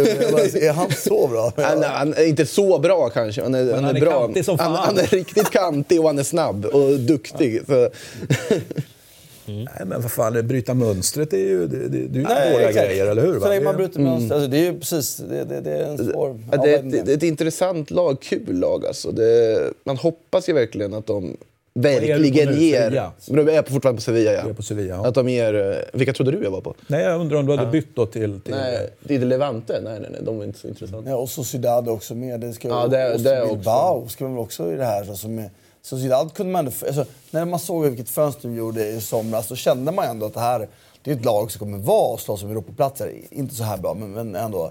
Men Bilbao är man var jag i alla fall lite orolig för. Liksom. Den här tabellen med, när det står Sociedad och Bilbao i rad, det är spanska namnkonnässörers mardröm ändå. Eh, Men i alla fall, alltså La Real är ju... De är också med. Och liksom vad Alguacil har gjort där, på tal om att lyckas med en rekrytering av en tränare som bara plockas upp liksom från egna leden. Som egentligen vill vara en interim från början men har fått jobbet. Där är det ju någon, ett liksom exempel på någon som verkligen har lyckats. För det är ju otroligt bra, bra fotboll, spelar de intressant lag. Ur svensk synpunkt så klart man vill att Isak får lite mer chanser än vad han får. Men som jag sa innan Men det säsongen, kan alltid William... vara vårt huvudfokus. Nej, men det är bra. Nej, däremot så blir man ju lite... Jag tycker... Alltså William José är en superspelare, men jag tycker Isak också är lite snäll i den här. Jag, jag hade velat se att någon kom in och typ jagade på allt och liksom var, visade lite mer frenesi och sådär. Och det är klart att, en del av hans styrka är ju att han är så cool och vet när han ska göra saker. Men när man ska slå sig in någonstans så måste man kanske skicka andra signaler också. Och det tycker jag ju, om inte annat, att hans, eh, liksom, folk som hjälper och jobbar med honom. Så hjälp honom att inse att, att eh, man måste faktiskt... Liksom, Ja, Just nu är ju William José bättre anfallare. Ja, jag det tycker blir jag. José Nej, precis. spelare. Och det, det var ju så inför säsongen också. Liksom. Att han, han är ändå viktig för det här laget. Men det, ja... Getafe måste man väl också lyfta tycker jag ändå. som Alltså, parerar med Europaspel också. ja, alltså har värvat också den här ganska blygsamma spelare för liksom småpengar med de resurser man har. Men nu kombinerar man- man ett bra Europaspel med att nu ligga sjua och ha väldigt många segrar Varför i rad. ingen liksom engelsk klubb honom som har kris? Liksom? Jag fattar inte det. Jag förstår inte heller varför. Den skriver på spelar är ju mindre spansk och mer kontinental. Och, så, och lyckas man år efter år som han gör nu, det är liksom så många år nu. Han lyckas ju i Europa Det- också. det är så Men de tycker väl fortfarande att vi kan den typen av fotboll bäst i det här landet. Ska vi Nej, importera inte- spanjorer så ska Ja, vi ha Guardiola och... Men de, Precis. nej, de har ju Silva, Grazia. De, har, nej, men de, de importerar ganska mycket utländska tränare. Jag tycker de är duktiga på det just nu i Storbritannien. Så det är ju bara konstigt. Och här har du en som bevisligen då är, tycker jag, mer intressant än väldigt, väldigt många andra. Ja, nej, jag skulle säga att det är de absolut mest intressanta tränarna som vi har överhuvudtaget. Alltså, jag skulle vilja... Jag, jag, jag vill... Jag vill, jag vill. Fast han ser cool ut också. jag vill, fast han- sträck, Ja, det är jag vill sträcka mig så långt. Jag tycker, att, jag tycker så mycket om det han gör. Sen jag, att Getafe är ett typ av lag som många tittar på liksom man antingen avskyr eller älskar. Liksom. Men också Vem de avskyr värv... dem?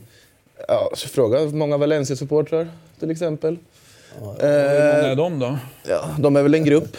Känner, förvånansvärt många man känner i Sverige ändå faktiskt. Men eh, vad tänkte jag säga med också de värvningar man gjort i sommar. Getafe. Du tar in liksom Faik Al-Fahir och liksom Nyom. Det här är rivjärn, liksom rötägg som bara passar perfekt in i den här liksom Getafe-bilden. Det är inte kul att möta Getafe. Det ska inte ens alltid vara så roligt att se Getafe.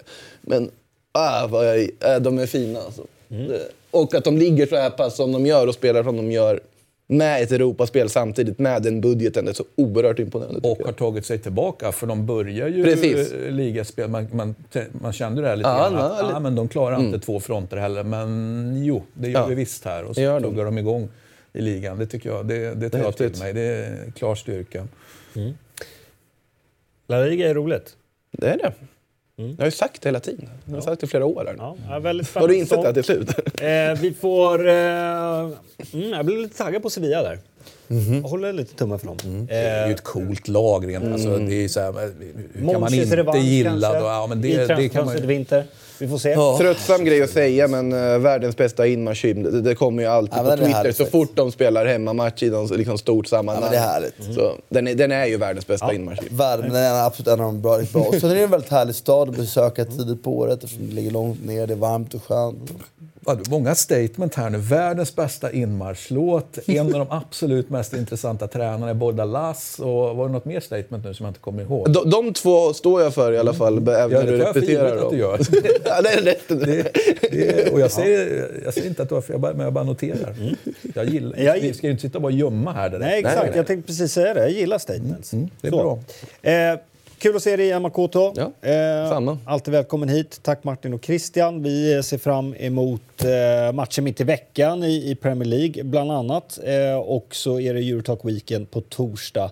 Vi säger tack för idag. Hej!